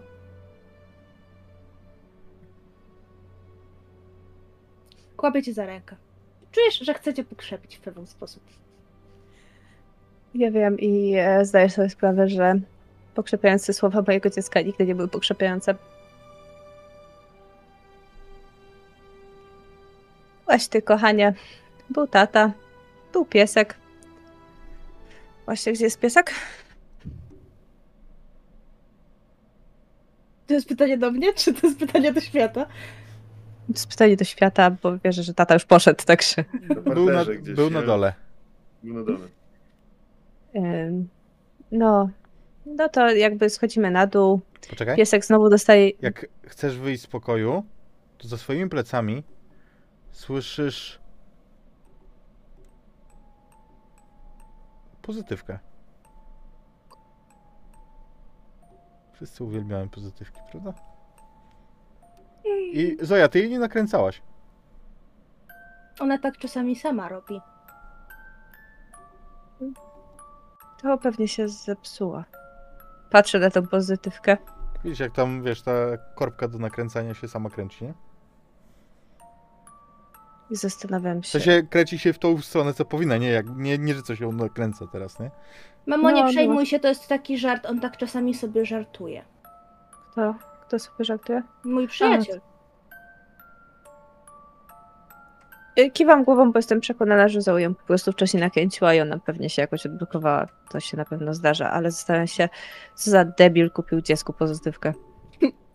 Pewnie ojciec. Kto w ogóle kupuje takie straszne rzeczy dzieciom? Nawet, nawet jeżeli to był Mateusz albo ja, obojętne, to są. To był głupi pomysł. I wychodzę, zamykając drzwi. Mhm. A zanim zamkniesz drzwi, nie mogę się oprzeć temu, rzuć sobie proszę na przyjrzyj iluzję. Oczywiście. Yy... O, a czemu moja dusza ma zero? Sukces z komplikacjami. Eee, czyli e, delikatne rzeczy. Słuchaj.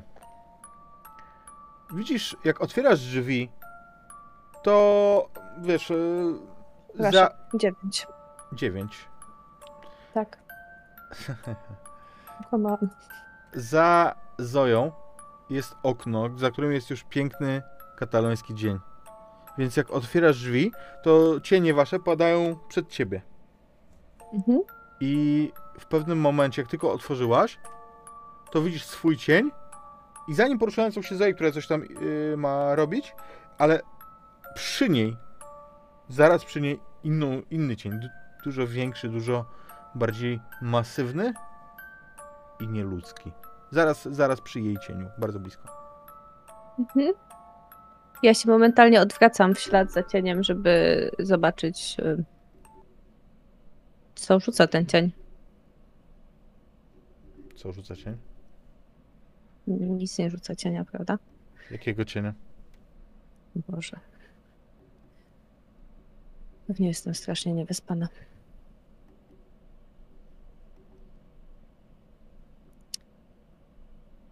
Eee... Dzisiaj zjemy naleśniki. Nie lubię naleśników. Nie szkodzi. Kiwam głową, jakby to było zupełnie fair, normalne, tak już się żyje. Zupełnie Zero problemu. Ja lubię naleśniki. Oj. Idę na do kuchni, prowadząc dziecko za rękę. Pies jeszcze raz dostanie jeść, no bo nie przypuszczałam, żeby Mateusz go nakarmił, więc y, dostanie coś innego do jedzenia po prostu. E... Y, I robię naleśniki.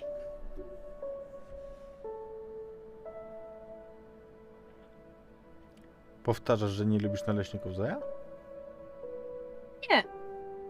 Bo wiem, że mama ma to w dupie. Ona tak. Myślę sobie o tym. W sensie, jakby to, to nie ma sensu, żebym ja mówiła to na głos. Powiedziałam to raz, e, mama powiedziała nie szkodzi, ale jakby ja nie lubię pewnego jedzenia. W sensie struktura pewnych posiłków jest obrzydliwa i nie jestem w stanie ich przełknąć. Pewnie to zrobię, żeby nie zrobić jej przykrości, a może inaczej. Kiedyś, no nie wiem, płakałam nad tym jedzeniem i nie chciałam jeść tych pierdolonych naleśników, ale ona kazała mi je jeść, bo się wściekła na mnie. Więc to nie będzie miało sensu i pewnie je zjem, ale w mojej głowie narasta taka myśl, że nie lubię naleśników. Ja ich nienawidzę i ona o tym doskonale wie. I na mojej twarzy nie widać nic, ale w mojej głowie jest czerń, która tak się kłębi mm, w taki bardzo agresywny sposób. Ja nie lubię naleśników, a ona ma to w dupie. Weronika, to nie jest tak, że nie umiesz robić naleśników, nie? Ale... Tak. Musisz się bardziej skupić. Dość frajersko się oparzyłaś, nie? Szrama na ręce jest zaczerwieniona. Widzisz, że będziesz musiała to przykryć jakimś... Znaczy posmarować jakimś kremem, żeby... Żeby to zniwelować. Tak. Na pewno. To pewnie przez to, że jestem niewyspana.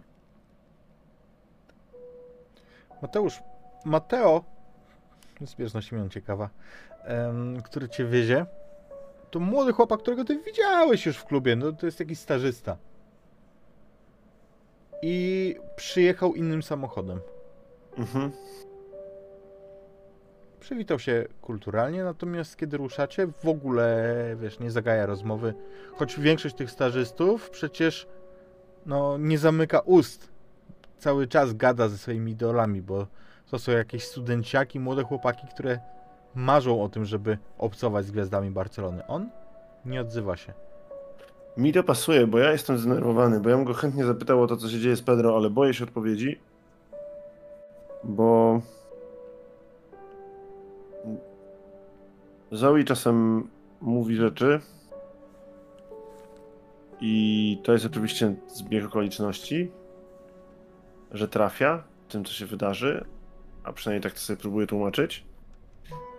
Ale w tej chwili ani nie cieszy mnie ta Barcelona dookoła, ani nie te tłumy ludzi, chociaż próbuję się na tym skoncentrować, tam jak już wjeżdżamy na sam stadion. Gdzieś Raz, tylko na, raz na jakiś czas tylko rzucam okiem na tego chłopaka na, na zewnątrz. Jestem pogrążony w myślach o mojej córce i o tym, skąd ona może wiedzieć, że on miał wypadek. Tym rozmawiał przez telefon, to było łatwo wytłumaczyć, mogłem usłyszeć, ale ja dostałem SMS-a.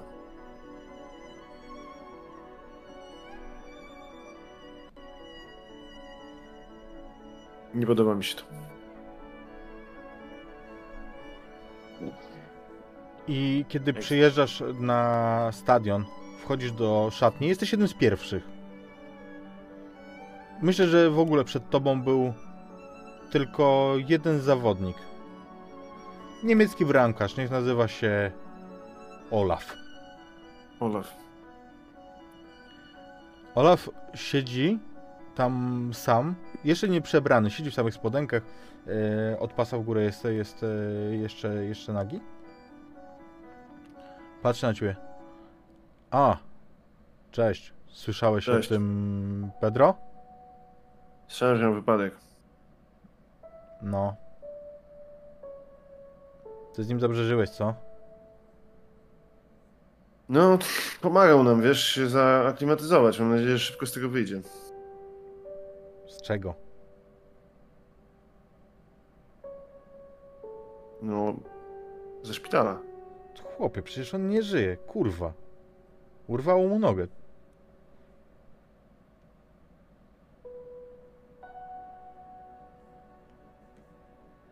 Teraz ja sobie siadam na tej ławce. Dostałem tylko wiadomość, że miał wypadek i że trafił do szpitala. No. To raczej nie jest coś, o czym się w SMS-ach porannych pisze.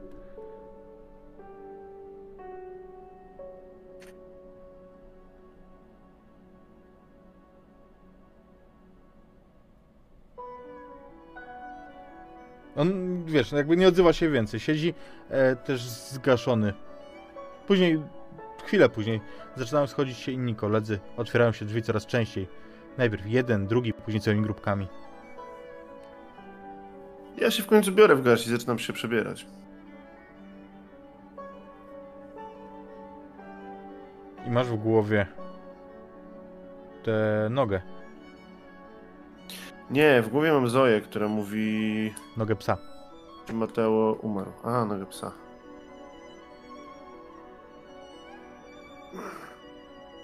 To jest połączenie, które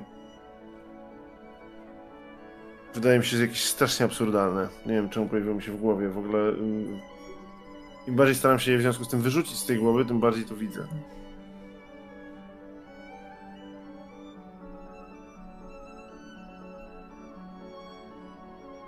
Miło, że przyniósł tego psa, nie? Słyszysz, Zojo, kiedy idziesz... Z- Zoju? Zojo? Mhm, Zoju, Zoju.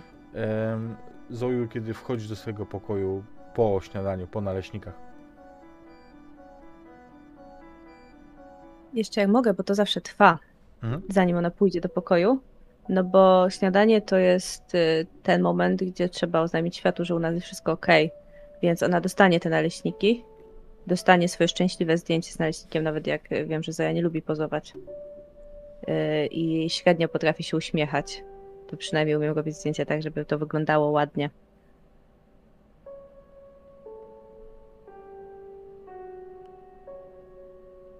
od razu, Mogę już iść? od razu, kiedy wrzucasz, co to było? Yy, Kiedy wrzucasz, to od razu pojawia się reakcja. Jego reakcja, Weronika. Sprawdzam jego lokalizację. Mm, Sant Cugat.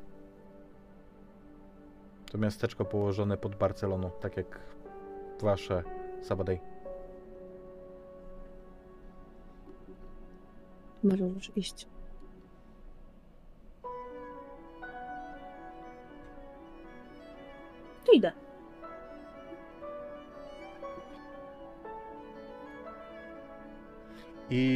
Jeżeli zaglądasz na profil Weronika, to zobaczysz, że on ostatnie zdjęcia, które są wrzucane, są bardzo podobne do siebie. To są selfie, ale na każdym on znajduje się coraz bliżej obiektywu. Także wiesz, że na tym najnowszym jest już bardzo blisko, że widać tylko część twarzy.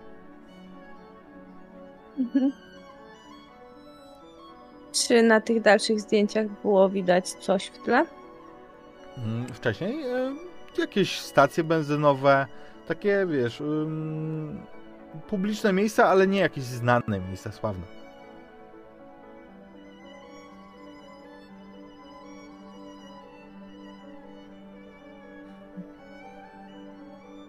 Myślę, że zniszczę coś. W sensie, kiedy już y, Zoe pójdzie do, spokojnie do swojego pokoju, usłyszę, że drzwi się zamykają, to stojąc przy tym niedojedzonym talerzu naleśników, po prostu wezmę go i cisnę nim o ścianę. Patrząc, jak ten naleśnik spada. Pierdolone naleśniki rozplaszczają się na ścianie. I w tym momencie wybija 9.45 i pukanie do drzwi. Jak zawsze w zegarku. Kto to? Luiza, O, no tak. nauczycielka, guwernantka.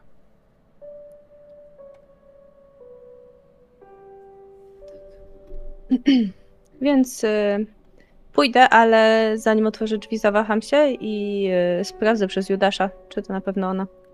Widzisz e, za, z- za drzwiami, jak zwykle, ubrana jak spod igły, jak zwykle stojąc za drzwiami z uśmiechem, bo ona wie, że przecież możesz spojrzeć.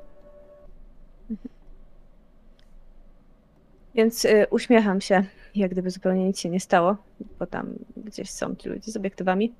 I otwieram drzwi. Dzień dobry! Dzień dobry. Jak dzisiaj Zoe jest forma? na górze. Fantastycznie. W porządku. Mamy pieska. Pieska.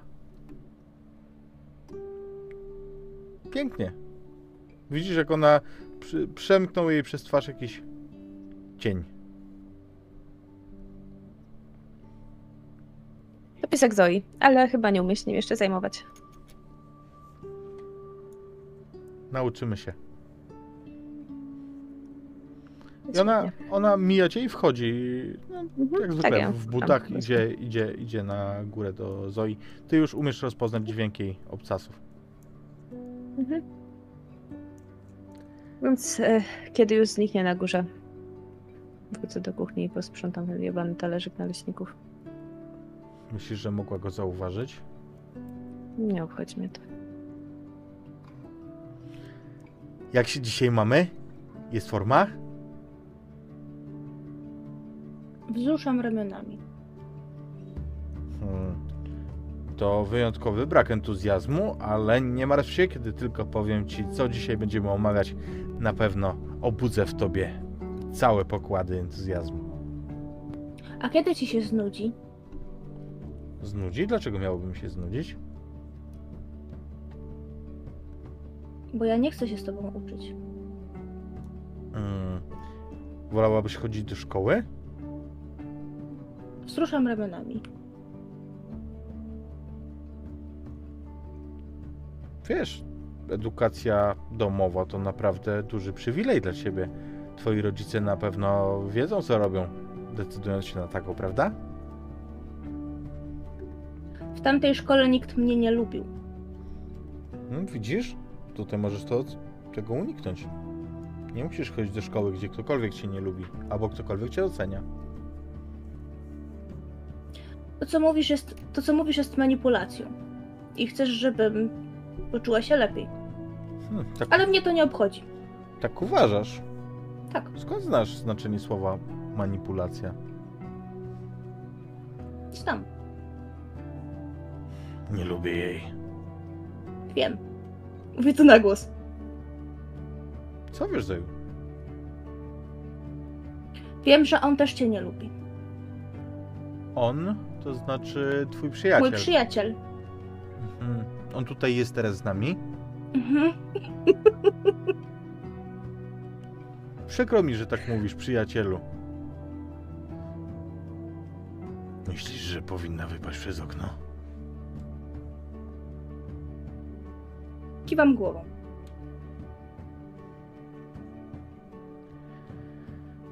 Wow.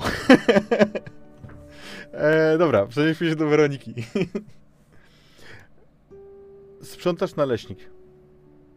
Wyrzucam do kosza ten potłuczony talerzyk z tym y, rozplaskanym naleśnikiem. Patrzę na tą białą ścianę ujebaną tym dżemem i wiem, że to nie zejdzie. Ale na szczęście mój mąż nie jest zbyt spostrzegawczy. i słyszysz krótki krzyk i takie dziwne uderzenie. Wiesz, wyobraź sobie ten dźwięk, kiedy w hali pełnej ludzi ktoś upada tak, że uderza centralnie potylicą o, o podłogę. Ten dźwięk, to ten głuchy stuk sprawi, że wszyscy wokół zamilkną, nawet jak tam będą tysiące ludzi i słyszysz ten charakterystyczny dźwięk, że nie, nie wiesz, co jest jego źródłem, ale ty doskonale wiesz, co wydaje taki dźwięk. Mhm. Ja doskonale znam ten dźwięk. Więc y, będę szukać jego źródła. Bardzo, y, bardzo szybko spróbuję się zorientować, co spadło i co wydało krzyk. I Boże, żeby to nie była Zoe. Krzyk słyszałaś na górze w pokoju, stuknięcie za oknem, na, na zewnątrz. Sprawdzam. Wyglądasz przez okno albo wychodzisz przed dom Mhm. i widzisz Luisę, która tam leży. Na wznak w rosnącej kałuży krwi wokół głowy właśnie. To nie jest wysoko, to jest pierwsze piętro. Mhm. Trzeba naprawdę pechowo upaść. Ona leży, ale oczy ma szeroko otwarte i patrzy na prawo, na lewo. Tak, to nie jest to, że ona ży- jest nieżywa, ale Wybiegam do niej. jej dłonie, jej stopy kompulsyjnie Mhm. trzęsą się. Podbiegam do niej już po drodze, wykręcając numer na pogodowie. Ja nie umiem pomagać ludziom. W sensie nie mam pojęcia, jak mogłabym jej pomóc, więc y, po prostu bezradnie uklęknę nad nią, trzymając ten telefon i tłumacząc łamanym angielsko-hiszpańskim, y, jaka to jest ulica i żeby przyjechali szybko. Że wypadek. Oczywiście, co się stało? Proszę powiedzieć, jakie obrażenia? Y, od upadku. Musiała się potknąć i wypaść z balkonu przez okno. Oczywiście. A kiedy do mnie kurwa Leży na wrócisz? Co?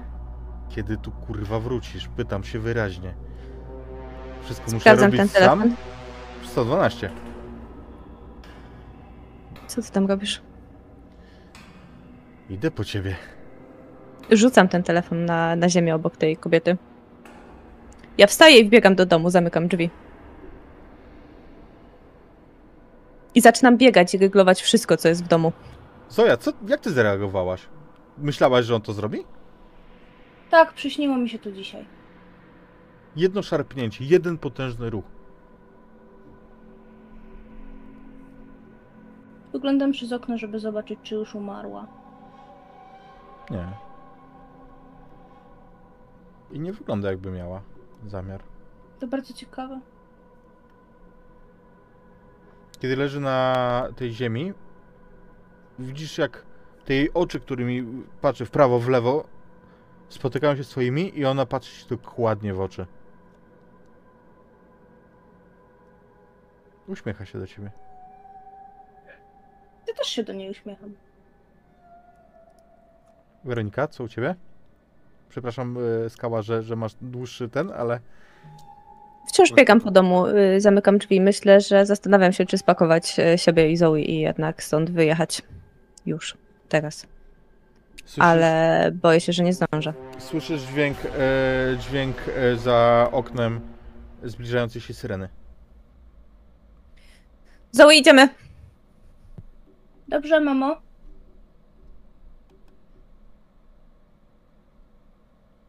Schodzisz? Wchodzisz? Co robicie? Y, Y, Ja czekam na tyle. Ja pewnie chwycę tego psa e, i pójdę do mamy. Y, Ja zastanawiam się, jaka jest najprostsza droga wyjścia z domu, tak żeby na nich nie trafić, na niego nie trafić, y, kiedy przyjedzie karetką, bo przecież pewnie przyjedzie karetką.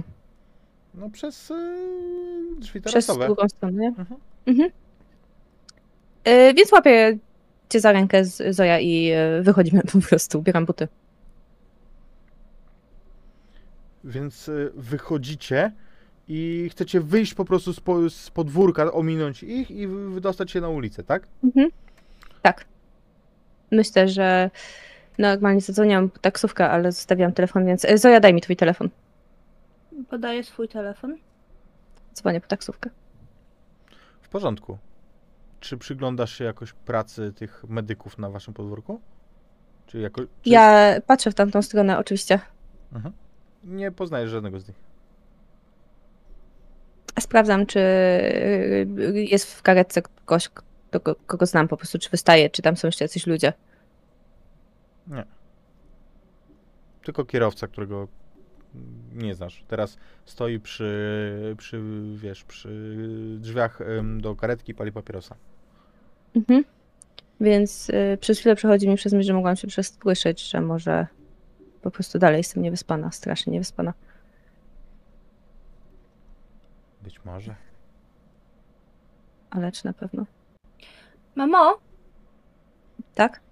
ja nie dam mu cię skrzywdzić. Nie znasz go.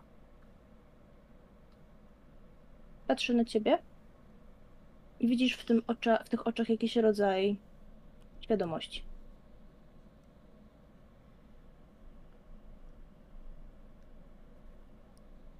Chodź, musimy porozmawiać z tymi panami z karetki. Dobrze, mamo. I ja zawracam do tych panów z karetki. Mhm. Podchodzisz do nich, idziesz w ich stronę. Mateusz, Tak. Jak, jak ci, Mateuszu, idzie trening tego dnia? Z całą tą świadomością, z bagażem tego, co się wydarzyło? Myślę, że staram się w nim e, zatracić, tak jak kiedyś, e, kiedy trenowałem w Krzyżowie, tak? Dobrze mówię? Dobrze Krzyżowie. Krzyżów, no. Krzyżowie. E, bo wtedy też miałem tak, że zapominałem o tym, że gram w e, słabym klubie, że nie mam pieniędzy, że generalnie nie jestem prawdziwym piłkarzem, tylko miałem takie teraz gram, teraz jest dobrze, teraz trenuję, teraz biegam i tak dalej. Więc próbuję zrobić to samo, ale myślę, że raz na jakiś czas mi się przypominają te wszystkie Mhm. fakty i to nie zawsze wychodzi najlepiej. Chciałem, żebyś zrobił dwa rzuty. Mhm. Na weź się w garść i na przejrzyj iluzję. Uuu. Najgorzej.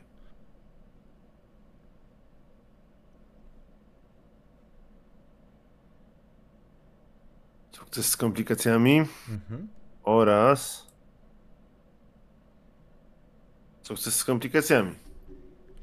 Dobrze, więc e, w trakcie tego treningu grać jakąś e, gierkę taką, taką sparingową między, między dwoma zespołami w innych narzutkach. Ale no, to wszystko są koledzy z drużyny, tylko gracie przeciwko sobie. I Jasne. naprzeciwko ciebie gra Pedri. Pedri, który cały czas czujesz, że ma coś do ciebie. E, Mhm. I cały czas, kiedy mm, gracie, on cię zaczepia, on cię podjudza, komentuje nad uchem. Zaczepia. Co, amatorze? Mhm. E, I w momencie, kiedy gracie, zatracasz się, dajesz z siebie wszystko, to mm, to masz takie momentalne flashbacki, jakbyś znów był na tym śmiesznym boisku w Krzyżowie.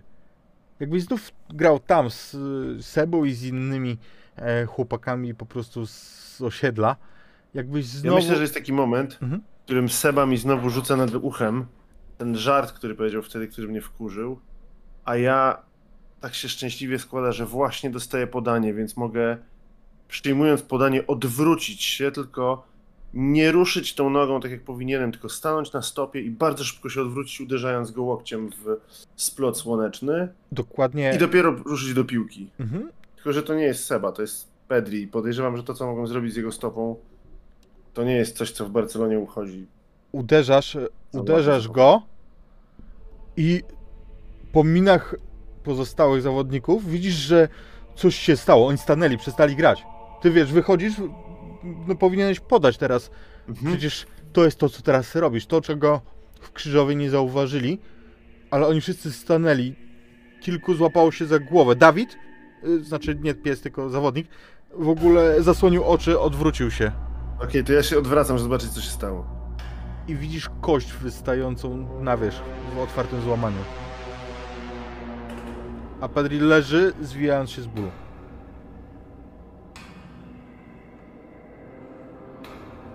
Ja myślę, że ja mówię.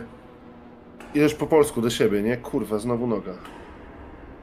I biegnę do szatni. Sły słyszysz za sobą zamieszanie. Wbiegasz do pustej szatni, zamykasz za sobą drzwi. Myślę, że biegnąc już tam zrzucasz koszulkę, nie wiem, odpalasz prysznic. I dziękuję Wam za ten pierwszy odcinek. Moi drodzy, mam nadzieję, że bawicie się dobrze.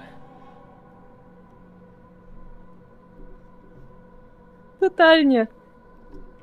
Dzisiaj jak jeszcze tyle rzeczy do słuchania. Orłowscy w Katalonii. Odcinek pierwszy. Odcinek pierwszy. Drugi odcinek będziemy grali em, 17 października. Moi drodzy, to będzie wtorek za, e, za dwa tygodnie. Mrocznie czytam w, mm, na czacie. No, ma być mrocznie, to kult jest. Mrocznie. Tak, e, w przerwie rozmawialiśmy sobie z ekipą, że rozwija się powoli, ale w horrorze rodzinnym nie da się tego zrobić inaczej. Absolutnie, żeby on wybrzmiał, to on musi iść swoim takim tempem. Nie, nie wyobrażam sobie, żeby to zrobić szybciej. Nie, znaczy inaczej, na pewno się da, ale ja nie potrafię. Ale nie, myślę, że dobre jest właśnie nabudowanie takich relacji rodzinnych, pokazanie takiego tła. który- Najpierw musi być normalny dzień, żeby potem było widać, co jest nienormalnego później, nie? Znaczy ja mam takie zawsze wrażenie. No, Dobry jestem, jest tak spokojnie. jestem bardzo ciekawy, co się wydarzy. Umówiliśmy się z graczami, e, że zagramy sobie zgodnie z tą zasadą kultu, gdzie e, gracze nawzajem będą teraz sobie dawać bomby, będą sobie dawać cele do wykonania w następnym odcinku, ale wydaje mi się, moi drodzy, że damy sobie chwilę, żeby, żeby nad nimi pomyśleć, co nie? Że nie będziemy tego robić teraz tak na gorąco, że znacznie ciekawsze efekty będą, jeżeli, jeżeli pomyślimy sobie i po prostu spiszemy się na, mm, na gdzieś tam na Messengerze, a na początku następnego odcinka damy znać po prostu, co ustaliliśmy, że zostało ustalone, bo myślę, że to fajnie, żeby to było jawne, nie? Nice. Tak mi się wydaje. No do, słuchajcie, jeżeli po, po sesji e, grozy jest takie milczenie, to, to mi like it. Jep. To mi like it. E, widzowie, jeżeli będziecie tak mili i zostawicie po sobie komentarze na YouTubie, to będziemy bardzo wdzięczni, bo to nam bardzo pomoże w algorytm. A z drugiej strony, ja jestem bardzo ciekawy, co myślicie o tej sesji i jakie są wasze teorie na temat tego, co tu się kurwa dzieje. Mm, więc czekamy. Ktoś już napisał, że kataloński omen, ja się z tym zgadzam. Zobaczymy. A tymczasem odmeldowujemy się zgodnie z obietnicą 23 i kończymy. Także dziękujemy drodzy za przemiłą sesję. Przemiłą to może złe słowo. Dzięki. I dobranoc widzowie. Dobrej nocy.